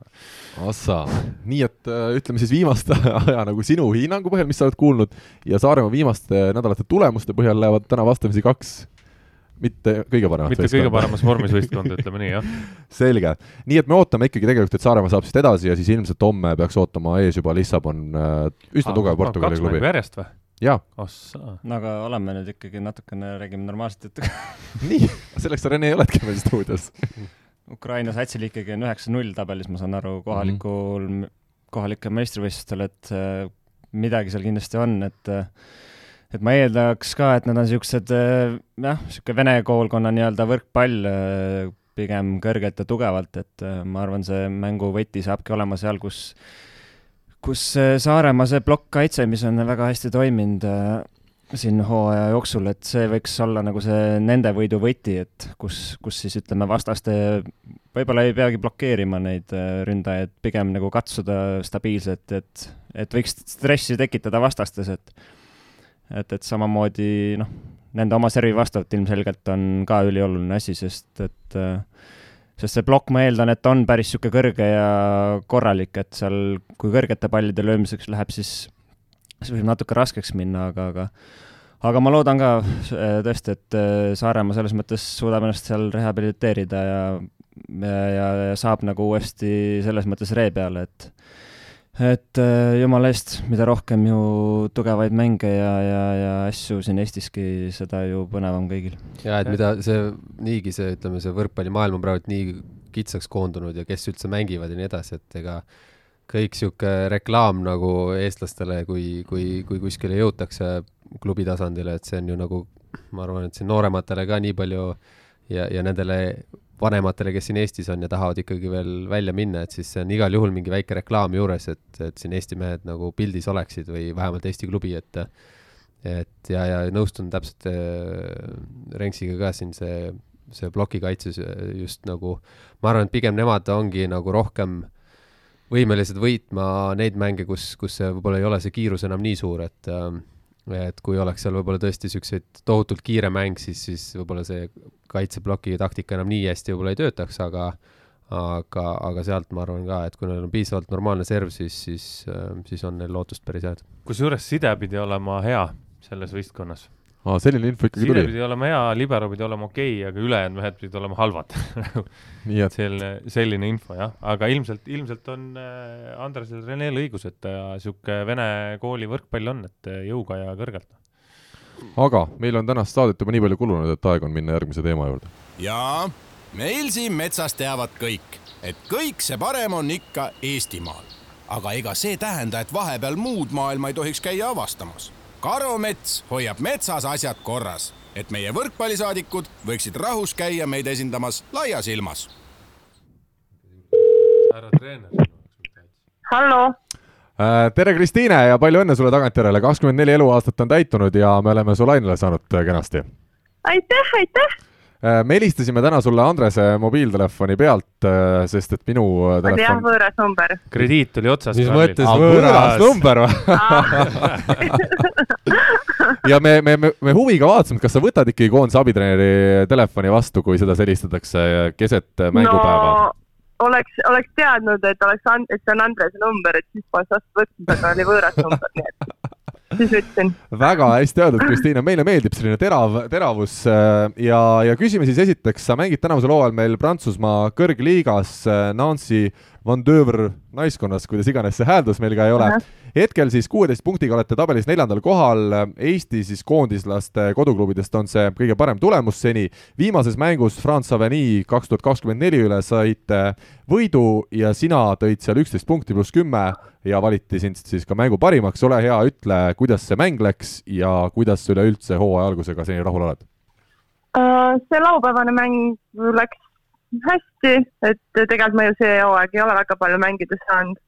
Ja, ja no eks seda oli teada, et need on nagu noored ja, ja et äh, kui seal tuligi, saime natukene juba ette, siis ta vahetas enamus mängijad välja ja, ja tuli välja ja no selles suhtes seda ei tasu nagu üle tähtsustada, sest, sest see on nagu prantsuse või noh, nii-öelda jah, prantsuse audentes, et noored mängijad teevad palju vigu ja nad ei olnud nagu supertasemel, aga noh, muidugi on tore, kui, kui saab nagu üle pika aja mängida ja natukenegi enesekindlust. räägi. aga. jaa. ei, nüüd on, nüüd on siin teisest äh, puust vastased tulemas, nii et äh, eks näis, kas siis ka põllule lastakse räägi, milline su enda hetkevorm on, arvestades seda, et ei ole väga palju mängida saanud mm,? no ütleme, trennivorm on hea, aga mänguvorm on kehv, ma arvan, et et nüüd viimased, viimasel ajal ma olen nurk äh, või, või teine diagonaal, aga samas noh, veits nagu solgutatakse mõlema positsiooni vahel, et siis ma tunnen vahepeal, et ma olen nagu igal pool, aga lõppude lõpuks ei ole kuskil, et, et äh, no ei, ma ei saaks öelda, et, et ma mingi väga õnnelik olen selle üle, aga noh, samas kui, kui sa oled neljandal positsioonil, see tähendab, et sul on ikkagi need mängijad, kes platsil on, on midagi hästi teinud, selles suhtes ma ei, ma ei, mul ei ole kedagi nagu sellest süüdistada ka, et kui tiimil läheb hästi ilma minuta, siis, siis ei ole ju nagu mul mingeid etteheited kellelegi teha. aga treeningul iseenesest kõik sujub, treenid on korralikud, oled sa rahul sellega, et sa just selle klubi tänavuseks hooajaks valisid endale? jaa, tase, tase on väga hea või nagu mulle meeldib ja, ja selles meil on neli suht niisugust äh, heal tasemel nurka, mõned on rohkem ründajad, mõned rohkem vastuvõtjad, et seal konkurents on päris tihe. Äh, nüüd hooaja alguses ta vahetas nagu rohkem ja, aga nüüd, nüüd, kui meil on nagu niisugune veits stabiilsus tekkinud, siis ta nagu nii palju pole vahetanud ja siis pole ka mina nii palju mängida saanud. tegelikult ju hooaja alguses ma alustasin põhis, aga siis, äh, siis ma ei tea, vahepeal siin mängisin, ütleme pool mängu ära, siis ta vahetas ja siis nüüd järjest, järjest vähem olen nagu mänginud, et selles suhtes jah, see üks mäng nüüd oli laupäev, et tõesti üle pika aja ma sain mängida võib-olla rohkem kui mingi kümme punkti, et äh, jah Aga..., ei, ei ole kõige lihtsam hooaeg olnud selles suhtes. ütle, mida need teised nurgaründajad siis sinust seni paremini on teinud, näed sa treeningul ka, kus sul on kõige rohkem arenemisruumi, et saada siis ka koht äh, platsil nagu pikemaks ajaks enda kätte? ma arvan, nad on lihtsalt enesekindlamad ja nad äh, lähevad võtavad nagu rohkem riske, et äh, ma trennis ka nagu julgen, ma ei tea, tuleb mingi imelik tõste kuskilt, siis ma lähen ka panema, aga mängus võib-olla ma olen nagu rohkem ettevaatlikum, aga samas noh, nemad on siuksed, kes nagu lähevad täiega. Mm.. et äh, ma, ma olen treeneriga ka rääkinud, ütles ka, et tal ei ole mulle selles suhtes mingeid etteheiteid nagu trennis ja, ja et, et ma teen nagu noh, et ma pingutan, annan lihtsalt parima, aga lihtsalt äh, mängus ei ole nagu suutnud äh, piisavalt hea olla ja jah, ma arvan, selles suhtes on tal õigus ka lihtsalt äh, noh, vahel tekib küsimus, et, et kui seda võimalust ei saagi nagu, et siis äh, kuidas seda nagu noh, kuidas, kuidas teada, mis tasemel ma nagu parasjagu olen, et siis et, et vahel nagu seda on mul raske mõista, et äh, kui, kui ei saa võimalust, et siis see on nagu pigem kurb. aga jah, senikaua tiim võidab, ma räägin, et ega, ega treener ei ole kohustatud vahetusi tegema ma küll lootsin, et me saame natukene positiivsematel nootidel siin vähemalt jätkata, sest kuni tänaseni veel oli info, et Eesti alagrupp, siis A-alagrupp EM-valikmänge hakkab jaanuaris mängimas Valgevenes, aga kuna kolmas äh, meie alagruppi siis kuuluv naiskond Šveitsi, Šveits ütles, et nemad ikkagi mängida ei taha sellises äh, olukorras, nagu maailmas hetkel on, siis lükati see alagrupp ka vahetult enne meie saate mm -hmm. algust äh, maikuusse. kas see nüüd on sinu jaoks ka ikkagi pigem selline kurb sõnum, et ei, ei pääse siin Eestisse ja ei pääse koondisega neid tähtsaid mänge mängima veel?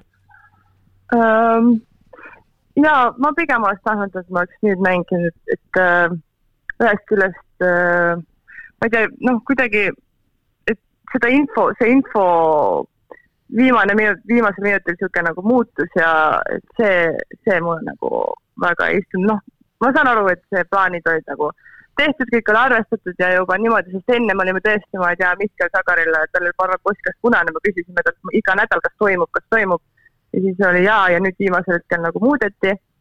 et äh, noh, sellest pole midagi teha, aga nagu ma isiklikult lootsin ka, et kui ma koondises nagu saaksin jälle rohkem mängida, enesekindlust tagasi, võib-olla tuleksin klubi juurde uue hingamisega, saaksin noh, ma oleks ju kolm nädalat vähemalt Eestis olnud, et kuidagi miskit muud nagu mingi teise, teiste inimestega koos olla, teise tiimiga trenni teha, et võib-olla oleks midagi muutunud, aga noh, aga nüüd samas on kümme päeva jõulupuhkust, nii et ega ma, ega ma ei saa selle üle ka kurta otseselt. kas sa tuled Eestisse ka jõulude ajal? jaa, no pileteid mul veel ei ole, sest täna saime alles teada, et see, et see koondis on cancel datud ja siin meil oli mängudega ka nagu, me nüüd tuleme kaheksateist detsember, tuleme sealt Hispaaniast ja siis meie viimane see liigamäng siis võib-olla taheti tühistada, võib-olla taheti mängida, et me ei teadnud seda infot ka, nii et ma ei saanud nagu piletit osta veel, aga siis täna siis äh, tuli see info ja siis ma saan Eestisse tulla ja, ja siis jaanuari alguses äh, tagasi. Äh, kiirelt veel siia, kas teie võistkond nüüd Challenge Cupi kaheksandikfinaalis Gran Canaria vastu on pigem favoriit või mitte? ma arvan, et kui me seda mängu ei võida, siis see on pettumus. selge ja lõpetuseks, et äh, ja, ja me esimeses ringis saimegi lihtsalt edasi, sest see tiim, viis tiimi lihtsalt neil ei olnud vastast ja siis nüüd ongi, kui me võidame Gran Canariat, siis me mängime tõenäoliselt ühe selle Istanbuli tiimiga ja, ja kui kaotame, siis on väljas. selles suhtes, et see on esimene kord, kus meie tiim mängib Challenge Cupit, sest see on nagu väga suured, ütleme, ootused selles osas, et, et me, jah, tuleb praegu hull periood aga Kristiine, kuna sa ei ole väga palju nüüd väljakul meil mängudes mängida saanud, ma olen kuulnud, et sa oled vähemalt discgolfi saanud viimasel ajal rohkem mängida teatud põhjustel. mida ma saan mängida? et sa oled nüüd discgolfi saanud meil rohkem mängida viimasel ajal või ei, ei, ei, ma ega see, kui siin äh, vabad päevad on, ega siis ma selle peale oma aega ei raiska selge, nii et oled jäänud ikkagi võrkpallile truuks? ja, ja võrkpall. hoolimata elukaaslasest, aga äh, Kristiine, suur aitäh sulle, soovime sulle palju edu järgnevateks nädalateks tähtsatel mängudel ja loodame siis ikkagi, et asjad hakkavad paremuse poole liikuma. ja, ja, ja saad numbri ära salvestada ka jah, ja salve, salvesta Andrese number ära. see oli küll nüüd jah jama. okei okay,, ma salvestan olgu, meie läheme oma saatega edasi, ütleme okay. aitäh Kristiinale. edu, tšau ja tuleme siis nüüd äh, meistrite liiga juurde. Ja meil tõesti väga palju aega rääkida ei ole sellest, sest meil on ka küsimused ootamas ees, aga mida me räägime, Martti Juhkam ikkagi esimese siis selle mulli Trentos mängis hästi ära, võideti nii Karlo Vivari, Karlo Varskot kui ka Novosibirski Lokomotiivi. Ja siis viimasel päeval kaotati Trentinole, aga kõik võimalused veel siis veebruarikuus äh, toimuvas teises mullis, mis peetakse kodus, äh, edasipääs tagada on olemas natukene räägiks Marti mängust, kas võime ikkagi öelda, et Marti kokkuvõttes esines väga hästi, kaks esimest mängu ta oli seal meeskonna resultatiivsemate hulgas? jaa, äh, mängis hästi jah, ja selles mõttes vägev oli vaadata, ma ütlen ausalt, äh, mina ei ole teda sellise enesekindlusega tegutsemas näinud, nagu ta seda tegi esimeses kahes mängus. et kui ennem, ma arvan, turniiri algust oleks keegi pakkunud Freeshuffile kuute punkti, siis nad oleks selle julgelt vastu võtnud, ma arvan, et et jaa, esimene mäng seal Carlo Varsko vastu noh, võib-olla ei olnud kõige niisugusem äh, voolavam ja ilusavam, ilusam veel, aga, aga ütleme, kolm punkti, mis oli nagu esmatähtis, sai sealt võetud ja, ja mis siis nagu järgmiseks oli siis Novosibirsk ja sealt väga kuidagi noh, üllatavalt selles mõttes veenev võit, et et äh, ega see Novosibirsk üleüldiselt jättis niisuguse huvitava mulje, ma ei tea, kas tõesti see esimese mängu kolm-kaks kaotus Trentinole pani siis sellise põntsu neile ka järgmiseks kaheks nagu mänguks, sest see viimane Karlo Varsko vastu Lokomotiivil oli samamoodi ikka väga keeruline tegelikult. kuidagi jõuga võeti nagu see, see lõpp seal ära, aga, aga ütleme, sest noh, see oli nende jaoks elusurmamäng, et üldse ellu jääda, on ju et, et äh, aga, aga mis siis jah, Freeschaffen ja kolmas mäng Trentino vastu oli selline, mulle väliselt tundus, et niisugune äh, kerge esimene tugevam pingemoment lõi nagu ma ei tea, kas siis pähemeestele või mis iganes, et äh, mulle tundus, et et noh, seda Novosibirski mängu mindi võtma, ütleme selliselt, et noh, teeme oma asja ja kui sellest piisab, siis piisab, kui ei piisa, siis ei piisa, et et aga see ilmselt andis jah, niisuguse laengu ja niisuguse mõtte, et, et nüüd on võimalik võib-olla ka Trentinot hammustada, aga, aga ütleme jah, Trento seekord nagu jäi, jäi kättesaamatuks ja, ja ütleme, tegelikult müts maha nendele meestele, Trentino meestele siis seekord, et mängida see turniir ilma põhisidemängijata ja võita kõik kolm mängu. ilma kahe põhisidemängijata? jaa, vabandust, isegi ilma kahe jah, et et see, see on paras saavutus oma, et, et et äh, ega neil ei ole lihtne olnud, need on liigatabelis ka seal ikkagi kuskil keskel alles, et äh, ilmselgelt oodati sellelt võistkonnalt väga palju ja oodatakse siiamaani. seal on väga palju vahetusi toimunud ja, ja, ja noh, jällegi räägime kokkumängust siin et äh, neil, neil läheb ka ilmselt siis ikkagi aega, et hooaja eel tundus, et see minek on ikka väga tugev ja ma julgesin neid tõesti kohe favoriitideks ka tembeldada, tänaseks päevaks on selge, et kõik nii ilus siiski ei ole, on ju aga, aga jaa, see selles mõttes oli väga-väga kõva turniir Freeshuffini jaoks ja, ja teine nii-öelda mull teadupärast ju toimub nende kodus, et et seal selles mõttes tuleb kindlasti jällegi minna Karlo Varsko skalbi järgi ja, ja miks mitte ka Novosibirski jällegi näpistada, et ma ei tea, kuidas see mängude graafik seal, seal on, et võib-olla Trento jaoks on asjad selleks ajaks juba näiteks selged, kui, kui nemad omavahel mängivad ja, ja võib-olla mängitatakse seal mingit teist koosseisu ja kõik on võimalik, aga aga jah, ütleme Novosibirsk tõesti, ma ei olnud neid varem näinud see hooaeg, tundub, et äh, sidemängijaga on äh, sealt, äh, seal alt mindud, et teadupärast siit Fabian Triška oli Poola koondise sidemängija, kes nüüd on Robbie koduklubi sidemängija, oli, oli see nii-öelda mees seal, kes, kes asju korraldas ja eelmine aasta nad tulid ka ju Venemaa superliiga võitjaks, et et äh, selles mõttes ründajaid tegelikult ju peaks olema. Marko Ivovitš, Dražen Luburitš, diagonaal, Sergei Savin, nurgaründaja, et väga-väga korralik trio on tegelikult olemas, aga miskipärast see nagu ei toimi nii, nagu peaks. et ma ka selles mõttes äh, nõustun täie, täiesti, see Friedrichshafen nagu oli tunda, et äh, nemad tundsid ennast seal rohkem pinges, et, et, et äkki siit tõesti nüüd tulebki, et midagi võib väga nagu müstilist juhtuda ja ja kui kohe midagi väga nagu ei saanud käima, siis, siis nad siiski jäid nagu selle pinge alla, et et justkui nagu oleksid tahtnud nii väga võita ja tundsid nagu, et, et see on nagu nii käegakatsutav, aga samas sellega, ma arvan, läksidki natukene alt, et et ootused olid suuremad, kui, kui see, kui see reaalsus oli, et no aga pluss veel see ka ikkagi, et Trentino lõi väga tugevat servi seal kohe ja plokk oli ka väga võimas ja tundus, et see tasemevahe tuli seal ikkagi lõpuks välja. ei no tuligi tasemevahe, aga lihtsalt oligi see, et, et need eelnevad mängu, või noh, just eelmise päeva ja. mäng, niisugune väga tugev mäng andis nagu selle tõuke, et aga et äkki on meil siit ka nüüd võimalik eluvõimalus, eluvõimalus ja noh, see täpselt ongi see eluvõimalus minna, ma ei tea mm, -hmm. üheksa punktiga sinna järgmisesse nii-öelda mulli, siis äh, ma arvan, et see oli niisugune väike, aga noh, iseenesest ju kõik nagu ide ideaalselt nagu nende jaoks nagu väga, väga hästi, on ju, et, et seis on ju iseenesest hea, aga aga ma arvan, et nad panid ise natukene pingeid või lootusi natukene liiga suureks. Mida jah, korra veel segan, oli äge selles mõttes vaadata, et teades ise, kuidas Trento toimetab ja, ja kuidas seal trenni tehakse, siis noh, nemad alustasid ju kohe trilleriga kolm-kaks mänguga ja selles mõttes ka teine päev ei olnud nende jaoks lihtne ju, seal mängiti minu arust neli geimi. Aga just eh, näha, kuidas see igapäevane töö nagu kandus edasi ka ütleme sinna väljakule, et nend-, nende igapäevane selles mõttes töörutiin ja töömaht ongi selline, nagu need mängud seal iga päev, et seal ei olnud mitte mingit niisugust väsimuse mingit märki, oli nende jaoks tavaline selline kuus kuuele trenni maht, et see füüsis, mis neil on, noh, see näitabki selle liiga nagu taset ja sisu, noh nüüd ma küsin lõpetuseks siia kiiresti, kuna Nimir Abdelaziz lõi väga kõva selle serviseeria seal viiendas skeemis Novosibirski vastu, siis äh, küsimus selline, et kui mitmes umbes diagonaalründaja on Nimir Abdelaziz täna maailmas ja kui mitmes ta on umbes sidemängijana, sest äh, pidi siis diagonaalis mängima, kuna mõlemad sidemängijad olid puudu, siis ta naasis oma sellele eel, eelnevas, või ütleme siis karjääri algus aegadel oldud ametile ehk sidemängija positsioonil ja mängis kõik kolm mängu sellel positsioonil. Äh, Rene, mis sa arvad, kui diagonaalründaja on, ta täna, ütleme, top kümme ikka kindlasti või? ei noh, ta on kindlasti top viis ka.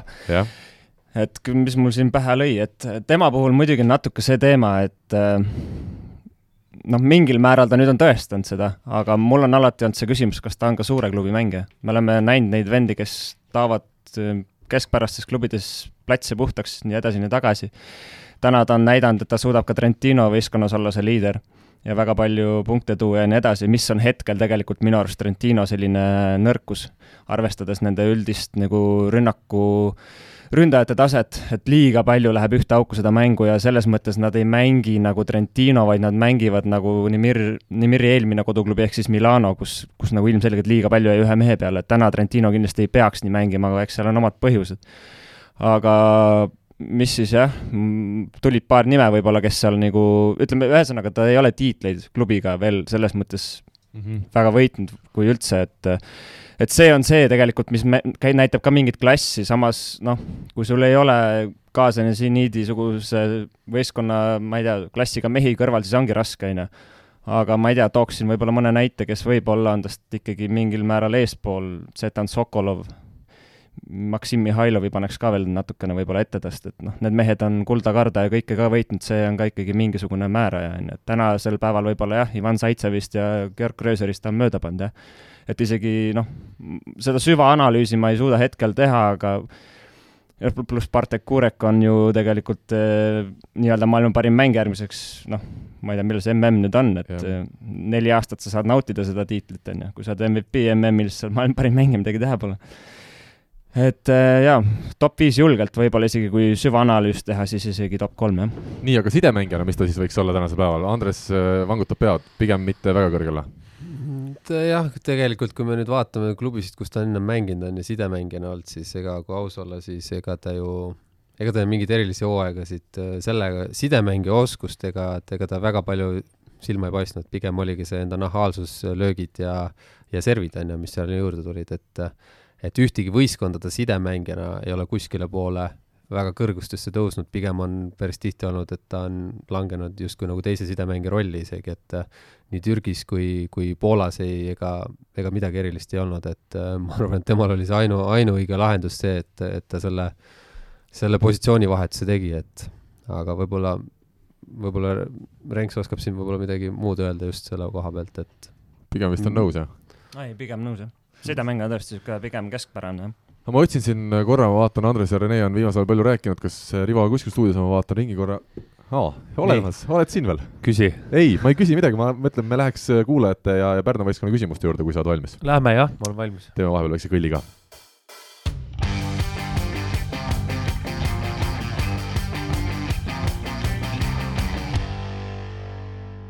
nii, neli sport siis jätkuvalt meie küsimusmängu rubriiki on toetamas ja meil on tulnud äh, huvitavaid äh, küsimusi küll ja, ja Pärnu meeskond eriti veel, nii et äh, tahaks nende juurde kohe tulla, aga enne ma ütlen küll, et äh, see aadress, kuhu meile küsimusi saadetakse, info et võrkpalli kakskümmend neli punkt ee, ma ei tea, millegipärast on sinna tulnud nagu viimasel ajal veel rohkem neid meile, et äh, kuule, mul on ikkagi mingi sugulane kuskil Aafrikas, kes on äh, nüüd äh, läinud äh, seda teed ja, ja küll mingid meeletud miljonid on mulle jõudnud, aga ma ei jõua ju neid, nii palju tuleb neid kirju, et kus ma nüüd need miljonitele järgi lähen, ma pean sinna kohale minema, ma pean neile meilile vastama, aga samas mõtlen, et saate jaoks jälle, kui tuleks paar miljonit, poleks ju paha, et me saaks nagu söönuks ka siin selle saatega. ei no tuleb, mis siis ikka, tuleb ikka järgi minna siis aga samas ma vaatan. järgmine pool aastat mulle... saadet ei toimu, sest Karl läheb Aafrikasse miljonite järgi. ei nagu kui Jafari Kanumba. saage aru aga saad aru, eh, kui mulle Jafari Kanumba ütleb, et, et on jälle mingi sugulane kuskil mul nii suur suguvõsa, et mul on Aafrika aga juured. aga tead, tead, mis kirjuta, kirjuta sellele Jafarile vastu, et eh, oi, väga hea küsimus on ju, et te olete võitnud neljakümne eurose kinkekaarti Nelispordilt, et eh, saate valida seda asja, tulge järgi. Tallinnas saate kätte Matamajast. ja võtke raha kaasa. aga lihtsalt imelik on see, et miks Jafari, kallis Jafari, kui sa meid kuulad, miks sa saad mul sinna info, et võrkpalli kakskümmend neli punkt ee sinna selle, et mul on sugulased kõik äh, kuskil Aafrikas äh, otsad andnud, et pigem siis saadaks mulle nagu erameilile, kus ma, mida ma rohkem loen, et kui on nii tähtis sõnum ja ta ütleb nii kiire on tal juba, kui kiire helistagu jumala hoidku, meilide vastamisega läheb jumala palju aega, onju helistage kõige lihtsam. müstika, aga no olgu, ühesõnaga vaatame, võib-olla tõesti siis tuleb järele hakata minna, minema nendele, nendele miljonitele, aga esimene küsimus, Hannes Hansalu, ma tean, Rivo, sina tunned teda, sina oled talle vist rannavõrkpallis ka trenne ja uus küsimus rannavõrkpalli kohta Kuldse Game'i saate jaoks. üheteistkümnendal novembri saates oli küsimus, et kuidas on rannavõrkpall muutunud ja vastusena tuli välja, et rannavõrkpalli on tulnud ülevalt tõste ja mäng on muutunud palju tehnilisemaks. minu küsimus on see, et kuidas need muudatused mõjutavad rannavõrkpalli tulevikku kahes aspektis. esiteks, kas rannavõrkpall muutub tavavaataja jaoks atraktiivsemaks või on oht, et väga heal tehnilisel tasemel mäng võib olla hoopis igavam vaata? vot selline väga spetsiifiline küsimus. Rivo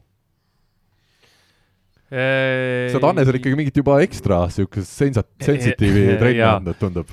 sellega on see teema, et äh, korra, üks aasta ta-, kaks tagasi, FIVB mõtles nüüd äh, välja sellise süsteemi, et äkki läheks tagasi üheksa korda üheksa väljaku peale, mis seal rannas on praegu kaheksa mm. korda kaheksa, on ju, kaheksa korda kuusteist siis ütleme siis.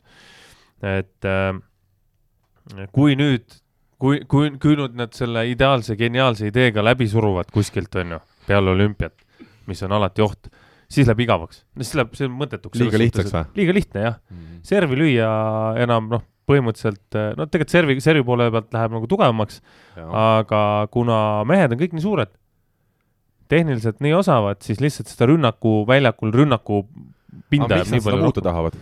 ei tea, miks nad üldse midagi seal FIVB-s muuta tahavad, miks nad muutsid seda maailma edetabelit miks nad muutsid, äh, ma ei tea, mis, mida kõike, nad ju, FIVB mingi hetk proovis noorteturniiridel rannavõrkpallis seda, et võib ülevalt vastu võtta, nagu konkreetselt ja. nagu saalis ülevalt vastu võtta. no nii. proovisid, miks? ei tea, ma arvan, et neil on igav mm. -hmm. mina isiklikult peavad tõestama ära, miks nad seda palka saavad iga kuu sealt. ka. Neil pole kellelgi tõestada midagi, ma arvan, siis kui igav on, siis saadane selle raha järgi. jah, ma ütlen, et tulevadki, mul sõbrad tulevad. ja siis selgi ise, mehed. ma ise ei saa tulla. siis samal ajal ei tehta muudatusi ja läheb rahulikult edu. Äh, aga vastus küsimusele on see, et ma arvan, et äh, ei muuda nagu suurt midagi. mm. ma arvan, et ei muuda. aga näiteks see küll, vaata, et kui, kui see ülevalt, noh, tegelikult see ülevalt söödu asi, vot ma ei tea, kuidas, kas see nagu reeglid muutusid või lubatakse natukene natuke mustemalt. natuke mustemalt, minu meelest, minu meelest see oli nagu väga okei okay,, see on väga et okei okay,, jah. sest nüüd nagu läks vaata noh, hakati vähe rohkem nagu selle võrgu peal niimoodi nagu kõigutama ka nagu pikemaks, sest siis kui alt enam või paljud mängisid alt, siis see oli ikkagi sihuke päris palju nagu jõu pealt ja seal ei olnud nagu neid äh, siukest äh, mänguelevust nagu väga ei tekkinudki, et kõik oli siuke ühetaoline vastuvõtt keskelt, hops, enam-vähem keskele ka, tõste ja siis sealt nikerdati, et nüüd on ikkagi see, nagu see see on hea, see on väga hea tähelepanek, noh, see on täpselt sama asi nagu, mis selle ülevalt tõste juures oli see, et ega inimesed ei saanud aru mingi hetk enam ja mängijad ei saanud aru, kohtunik ei saanud aru, milline see pall siis nüüd soe pall on. sama nagu saalivõrkpallis, noh, täna on ju näha, et kõik mehed võivad ülevalt tõsta, mitte ainult sidemängija. Ka paar aastat tagasi oli veel nii, et äh, mingi Mark Saru-sugune vend oleks selleks varumeeste nurgas käed üles tõstnud, oleks ära vilistatud juba Mm -hmm. isegi kui pall on kuskil mujal üldse nagu. et no, no põhimõtteliselt nii oli tegelikult, et nii kui käed üles läksid, mingil teisel vennal oli kohe vile. eriti tempodel jah. jah, tempode puhul oli eriti nagu näha ja, ja noh, see teebki nagu mängu põnevamaks ja, ja inimesele ka arusaadavamaks natuke. minul on üks asi, mida nüüd mina nagu sellise harrastajana tahaksin väga, et kui keelaks, näiteks proovikski mängida nii, et koksata ei tohi, et ainult tugev rünnak on lubatud, sest ühtpidi siis ma saaks oma nagu tugevused välja tuua, ainsa tugevuse, ja ühtlasi ma ei saa kaitsta neid kokse kätte, sest koksata saab ju võrgu alla, pikki piiri, kus, kuidas, Rivo, noh, sa saad aru, võrgu alt läbi, noh, Karl, Karl praegu muidugi Nii. pani endale siukse Mm. komplimendi, et mul on tugevus, on No. no. sul tugev rünnak või? minu väiksem nõrkus. nojah, ütleme nii, jah, see on parem no.. FIVB-sse sa saaksid kindlasti siukseid tööle, tööle, sa saad kohe tööle, sa oleks mingi spordiarendusdirektoriks sinna, väga hea mõte. sa saaksid kohe direktoriks. okei, ühesõnaga paneme teele selle, selle mõtte ja läheme edasi järgmise küsimuse juurde, Aare Alba äh, on meile saatnud kirja ja siin on isegi lõpus äh, küsimus, väga hea küsimus, nii et ma loen selle kirja kiiresti ette. võrkpall meil vist ikka liigitub sportmängude alla, mäng annab igati tõlgendada. teatris näitlejad ju ka mängivad, meil ongi siis palliplatsil lavakunsti kateedri või Viljandi kultuurikolledži mitte sisse saanud hakatised. tasemelt Rahvateatrist kuni ma ei teagi äh, kuhu, sest me pole ammu teatris käinud lisaks veel välismaised artistid ja no siin see kiri jätkub ühesõnaga, aga lõpuks tuleb siis see küsimus, et kes on aegade jooksul olnud kõige kõvem näitleja Eesti võrkpallis?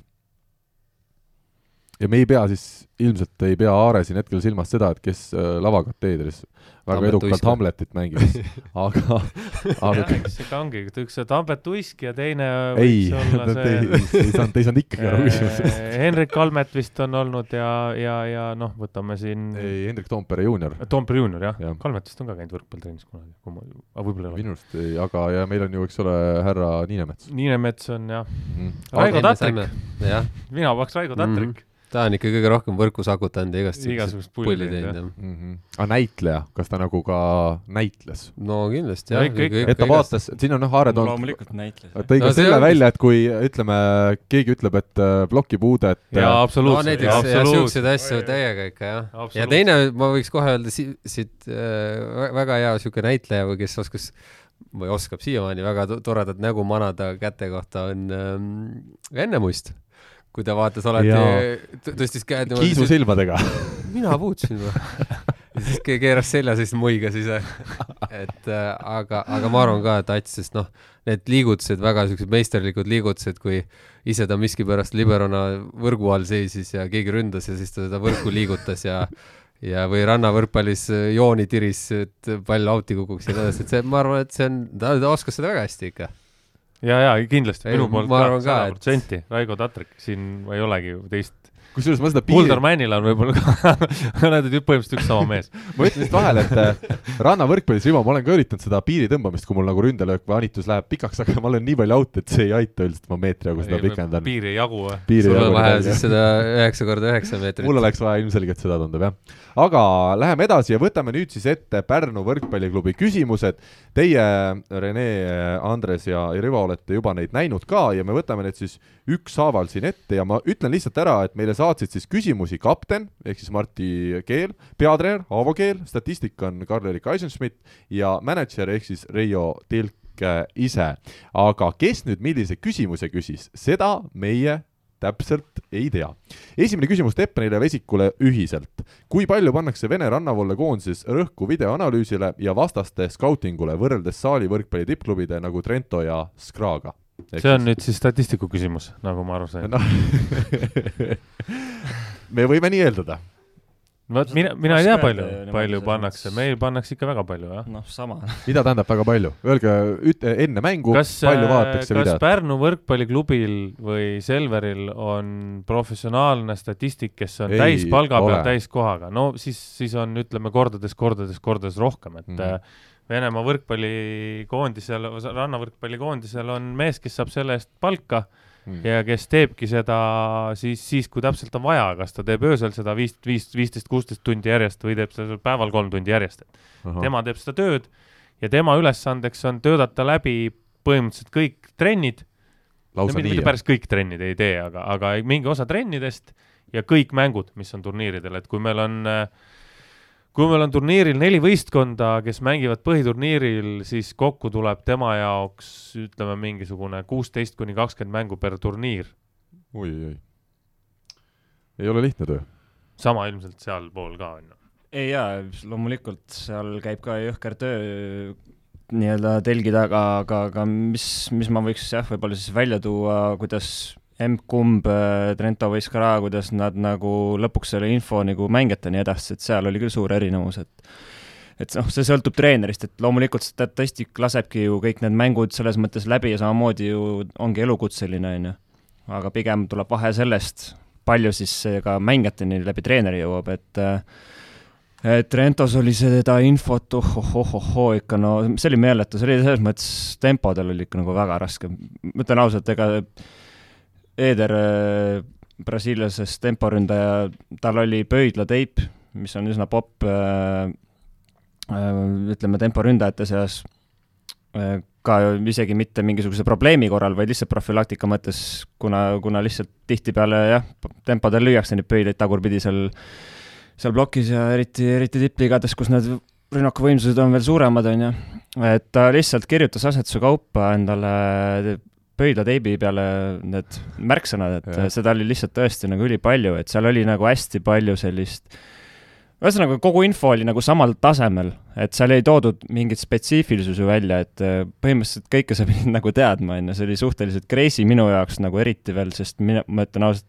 kuni selle hetkeni ma, ma ei olnud väga hea ütleme, mänguplaani võib-olla jälgija ja ma ei olnud sellega nagu harjunud ja, ja ütleme seal mingisugune Austria liigas, noh, sa ei vaadanud väga videot, et, et äh, kui siis ainult tegelesid sellega suvel koondises, on ju. aga, aga mis Belhatovis mulle väga meeldis Roberto Piazza käe all, kuidas ta võttis välja peamised asjad, tegi selle võimalikult lihtsaks, mingid märksõnad, ja seda sa suutsid nagu ka platsil väga lihtsalt ellu viia. kas sa olid noor või kogenud, vahet, vahet ei olnud, et äh, see oli nagu väga selline, selline äh, kindel jah, mingisugused äh, harjumused, kas vastaste side, sidemängel või mis iganes, et äh, seda oli nagu väga lihtne jah, selles mõttes järgida ja, ja, ja ta jättis niisugust mänguruumi nagu mängijatele ise tegutseda ka päris palju, et äh, talle meeldis lause, et you have to play game inside the game, et, et, et sa pead, pead nagu tunnetama nagu seda mängu mängu sees, et mm -hmm et, et see, see jah, oli nagu see jooksev värk ja ta andis näiteks tempodele väga palju sellist äh, loovust mängust sees, kus me saime, noh, meil ei olnud mitte kunagi niisugust sisutut äh, tühja nii-öelda mingisugust äh, taktikalist äh, tegemist, et kogu aeg tempo oli boss seal keskel ja, ja meie töö oli siis tempot järgida nii-öelda meil Nii. täpselt sama teema, et see selektsioon, mis, mis info meist läbi käib ja mis jõuab mängijateni, ta on, ma arvan, et mängijateni jõuab mingi viisteist protsenti, maksimum kakskümmend. See muidu lihtsalt ei jää meelde, sul aju läheb keema seal, kui sa pead mõtlema kõikide asjade peale. Nii, järgmine küsimus, ma arvan, et see võib olla jälle statistikult, aga pagan seda teab, äkki Reio ise tahtis teada, äkki hoopis kumbki keeltest. Kes on siis top kolm välismaalased, kes Eesti liigas on mänginud Eesti klubide ridades?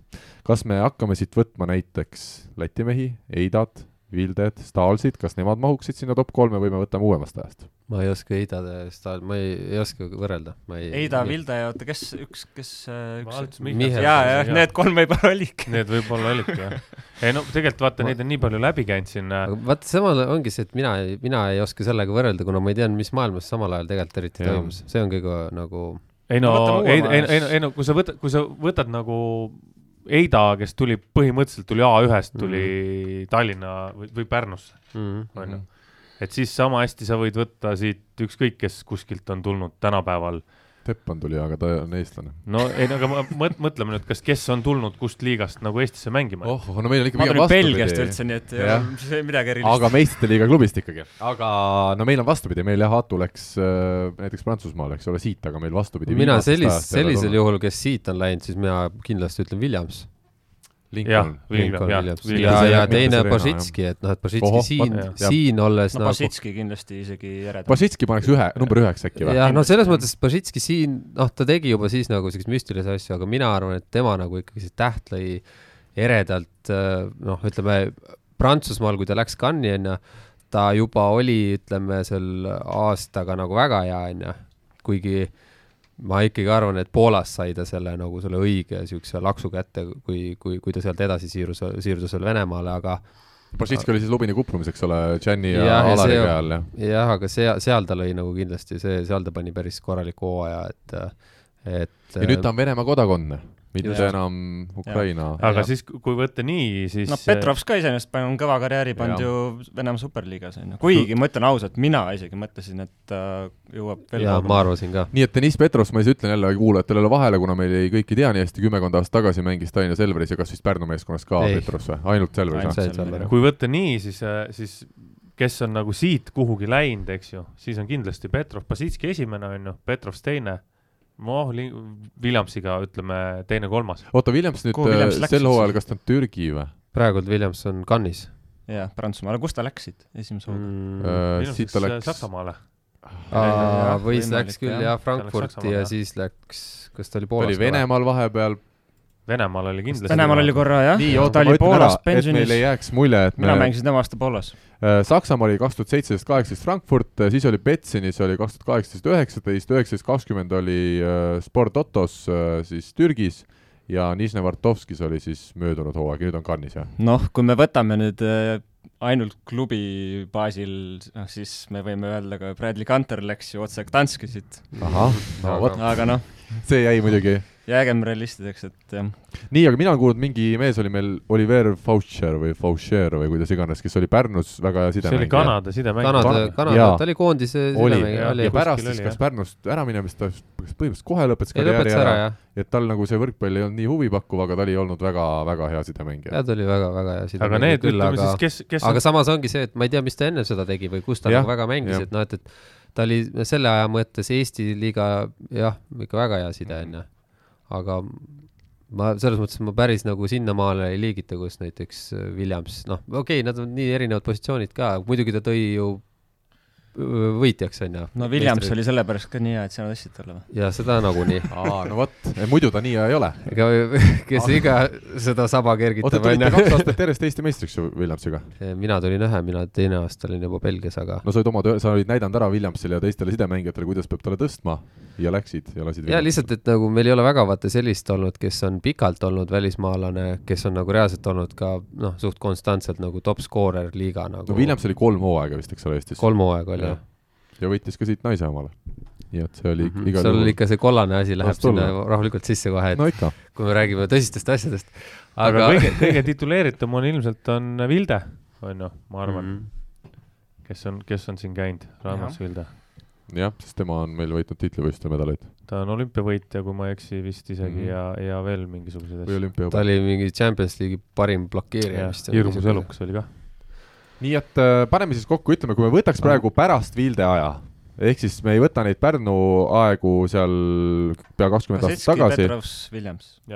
olete kõik nõus? võib-olla kakleme siin järjekorra ümber, aga no ütleme need kolm. Need kolm jah, pidigi Selge. top kolm onju. jaa, top no kolm oli vaja. ütleme siis top kolm, aga nagu ei tule otseselt meelde, kes oleks nagu väga siukse ere, eredalt, eredalt nagu. nii palju on käinud läbi ka vaata, et neid nimesid igast brasiillasi ja siis, kes seal TTÜ-s oli, meie Marcel. Marcel jah mm., noh, aga Marcel kokkuvõttes ikkagi ei, ei, ole nii ei liigitu sinna, ma ütleks ka jah.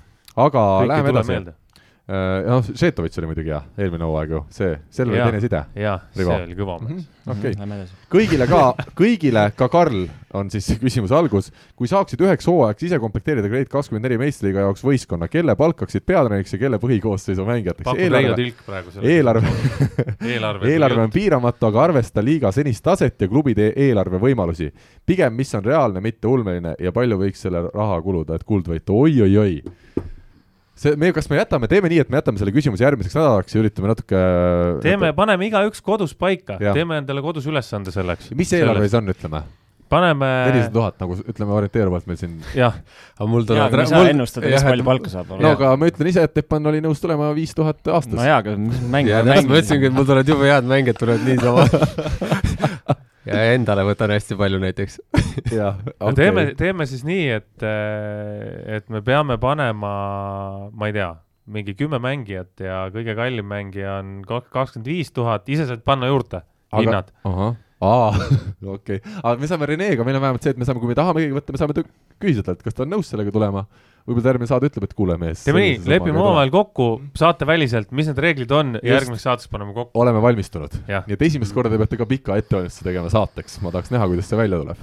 aga läheme edasi. viis minutit ennem saame siin kokku ja noh, kelle, kelle sa panid? oot, oot, ma unustasin kas Covid-19 aeglase taandumise puhul peaks edasise Balti liiga Eesti meistrivõistluste süsteemi muutma ja otsima uut lahendust tiitlite mängimiseks?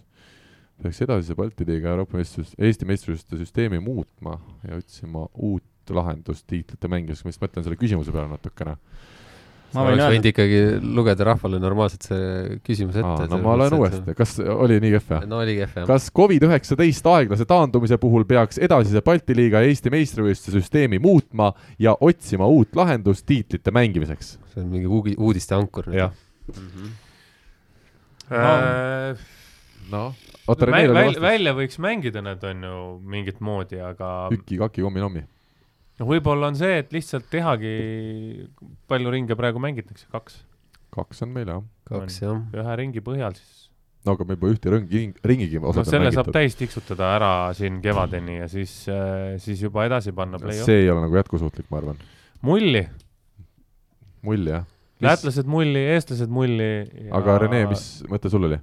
Ei, ma selles mõttes mängija seisukohast, mina ütlen ausalt, mina olen õnnelik, et see hooaeg siiamaani on nii läinud, nagu ta on läinud, et äh, endiselt olen arvamusel, et Eesti klubid on äh, tasemelt paremad kui, kui Läti või see Leedu klubi, et äh, minu huvi on küll mängida nii palju tugevaid mänge, kui seda on üldse võimalik, on ju, et äh, selles mõttes mina ei ole eriti nukker, et see Balti liiga kui selline ei toimi nii, nagu ta varasemalt äh, toiminud on, et äh, ma olen täiesti nõus. selle koha pealt ongi, et noh, kuna see nii palju on vaata jooksutatud siin, et kord mängime, kord ei mängi, siis seal mingi hetk nagu läheb natuke justkui see seis paremaks, siis hakkame jälle mängima ja siis noh, lõppkokkuvõttes jälle üks ei saa reisida ja teine ei saa reisida, et siin tegelikult ju käis ju vahepeal igast mingeid erinevaid variante välja, aga lõplik see otsus jäi ikkagi kuidagi noh, niisuguseks mm. poolikuks, et vaatame, mis saab ja nii edasi, et et oleks võinud siis nagu ma ei tea, teha kolm ringi ainult eestlased läbi lätlased mängivad seal omavahel ja võib-olla saavad leedukatega kuidagi nagu sest praegu on näha, et me sest... ei jõua kaks ringi mängida lätlaste leedulastega no, läbi. jah, ei,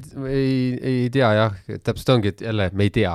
eestlastega omavahel me oleks saanud siin kembelda kõvasti ja noh, ma ei tea, siis olekski olnud võib-olla küll võib-olla ebaausalt, aga, aga mitte, aga noh, mingi äh, mingi hulk siis äh, neid lätlasi, leedulasi ja eestlased, noh, ma ei tea, kolm ja kolm ja. või midagi niisugust ja mängidagi siis mullis mingi niisugune korralik turniir Lahe,, kus lahendus on... oleks ju, üks lahendus sellisel juhul oleks ka see, et äh, mingisuguste asetuste järgi pannakse alagrupid ja need mängitakse siis mullis ära, mingid, mingid mehed mängivad omavahel mullis ära alagrupid sealt siis tulevad tugevamad, lähevad alagruppidesse ja nii edasi, nii edasi. ma olen kõigiga nõus, et see on ka hea plaan, aga täna on ikkagi olukord selline, kus meil ei ole ühtegi head varianti, selles suhtes, et ma rääkisingi siin Võrkpalliliiduga, et kui karikafinaal on kakskümmend kaks detsember planeeritud, ma küsisin, mis juhtub, kui eelmisel päeval Tartus avastatakse kahel mängijal, mängijal koroona öeldakse, et siis lükatakse ilmselt jaanuari lõppu või veebruari see turniir, et äh, seal on, seal on nagu head variante selles suhtes ei olegi, et see mull on täpselt samamoodi, sa saad neli meeskonda sinna kokku, üks võistkond näit-, näiteks päev varem selgub, et ei saa tulla, siis ja tuleb minna, siis plaan. tuleb minna seda Poola teed, et need, kes on terved, need mängivad, noh, siis ei olegi midagi teha, ega see no aga siis kaob jälle vaata, Poolas on ilmselt ikkagi igal võistkonnal neid äh, varumehed ka korralikul tasemel,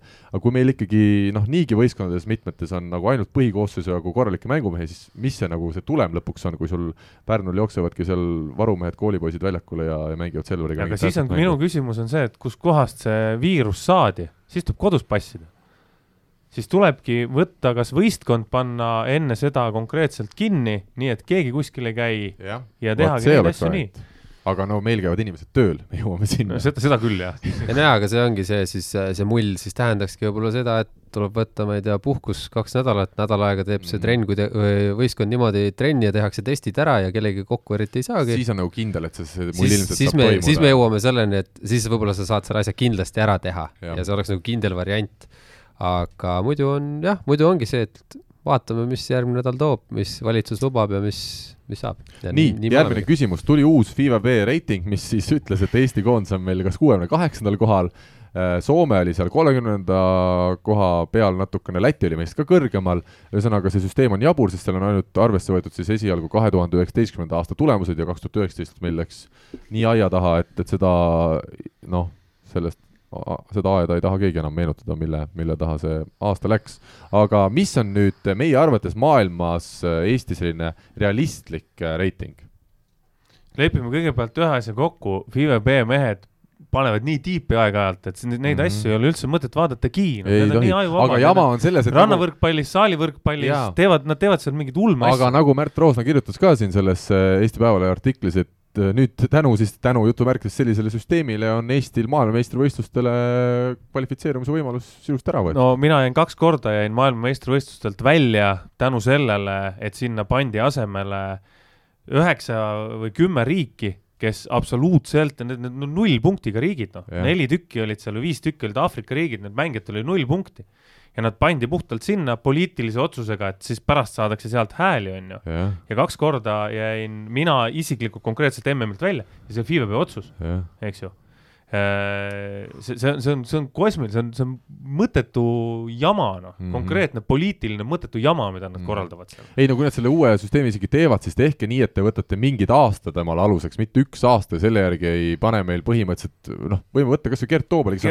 arvestage, kellega nad on mänginud, no mis mingid Tšomo Lungmaa on Eestist eespool seal, no kuulge, Kurunurru Vutisaared ja teised mm -hmm. on, on ka Eestist eespool no.. mängivad omavahel siis konkre... üks võidab rohkem kui võtame väga võit. personaalse, kui Gert Toobal on täna veel neljakümne ühe aastane, me eeldame, et ta mängib koondises võib-olla järgmise suve, võib-olla veel, aga siis ongi see, et tema jaoks, kes ta võib-olla tahaks jõuda maailma maailmameistrivõistluste finaalturniirile, see võiks olla tema nagu karjääri selline lõppakord näiteks, täna on temal selline võimalus lihtsalt selle väga tobeda uue süsteemi tõttu ära võetud. minul võeti kaks korda, kaks korda täpselt samamoodi, mul oli ka kaks, mul oli kaks lõpuakordi. sa ei saanudki lõpetada seepärast. ei saanudki aga, aga noh, olgem ausad, see on jabur, see on mõttetu teema, see on poliitika, mis ei peaks üldse spordis mm. olemagi. lihtsalt see on jah, selles suhtes väga nõme, et võrkpall nagu iseendale sellega ju teeb halba, et äh, no, olümpia on ju sama teema, ütleme Euroopa meistriks kohati on lihtsam tulla, kui Euroopast olümpiale pääseda, et võrkpall teebki, aga need mehed, kes seal eesotsas on, nemad, nemad teevad endale selle asja, et nad saavad oma hääled ja saavad edasi istuda ja, ja saavad kõik. tulevikku kindlustada. no vot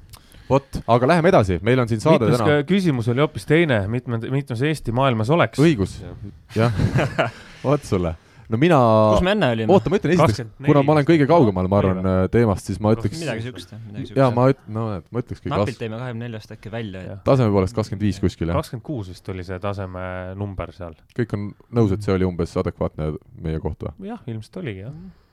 ütleme kakskümmend viis kuni kolmkümmend. kolmekümne sees võiks ikkagi olla, jah kui sa kõik kakskümmend viis omavahel läbi lased mängida, siis võib-olla seal on mingisugused muutused jah, sest ütleme, mingid Aasia mingid meistrikad ja asjad, noh, kus ma ei tea mm., Iraan loputab kõiki vasaku käega, noh, niisugused asjad jäävad, aga, aga pigem etem jah, kui see kuuekümne mitmes nii, aga nüüd on meil üks küsimus ja ma loen selle ette.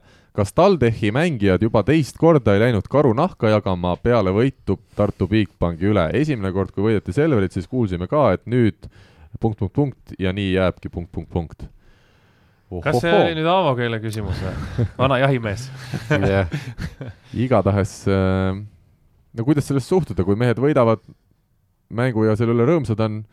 Ja noh, selles suhtes see nagu see häälestus ju vale ka ei ole, et kui sa esimest mängu oled võitnud, sa peadki minema tahtma seda teist mängu ka kindlalt võitma, aga kuidas sõnastus on ja ja nii edasi, see on juba nagu jah, maitse küsimus või? no ütleme nii, et TalTech ikka põles läbi, ma arvan, et, et kuidagi oleks võinud oma seda suurt emotsiooni natukene rohkem äh, rohkem suuta taltsutada, et nad, nad konkreetselt minu jaoks nad põlesid läbi ja seda näitas ka see kuldne game, et äh, kui, kui mina siin Karliga omavahel šokolaadi vahele pannes äh, ütlesin, et läheb kuldse, ma panin küll TalTechi peale mm, -hmm. aga ma ütlesin päris ausalt, et kuldse game'i TalTech kaotab seal umbes viisteist kaheksa, siis noh, pakkusin üle, et äh, ma ei usu, et nad läksid midagi varakult jagama, aga, aga siin on emotsioonide pealt, nad lootsid rohkem tegelikult, ma arvan.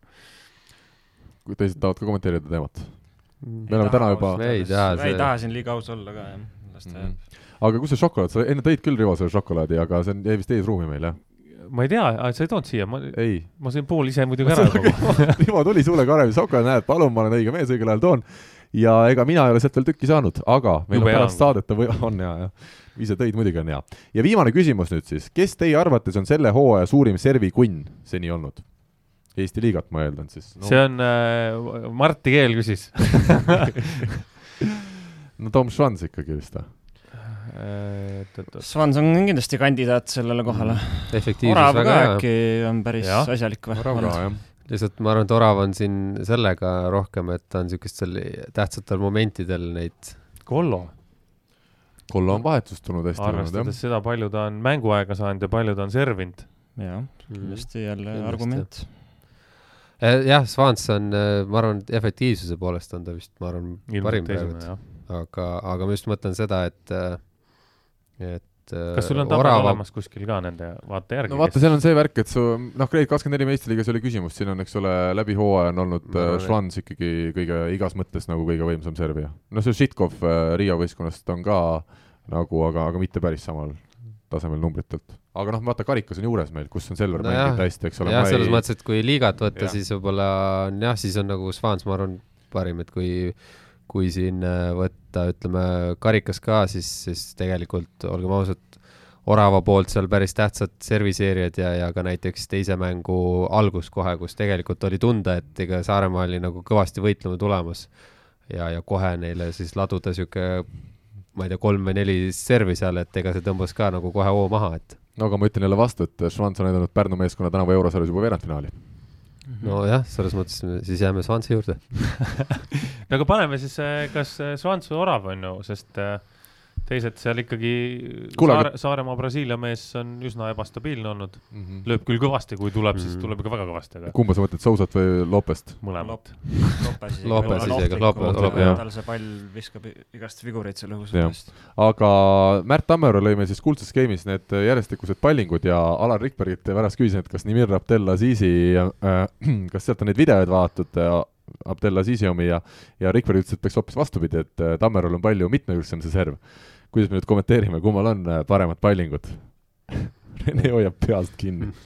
Äh, kommenteerime seda asja nii, et, äh, et Märt Tammearu mängis TalTechi vastu on ju? mängis. ja mängib Eesti liigas ja niikaua, kui ta mängib Eesti liigas, siis on äh, Nimir natuke parem. Nimir on törts parem. törts õrnalt. oma servidega, jah. aga Märt on ka hea, kui ilma Märt on ka hea, jah. ei, tal on hea ja ta os okay. oskab var varieerida seda servi ja ta tegi seda ka seal äh, kuldses game'is, aga, aga noh, ilmselgelt ütleme see näiteks see kolmas serv, mis, mis äh, TTÜ kapten nüüd Viidalepp.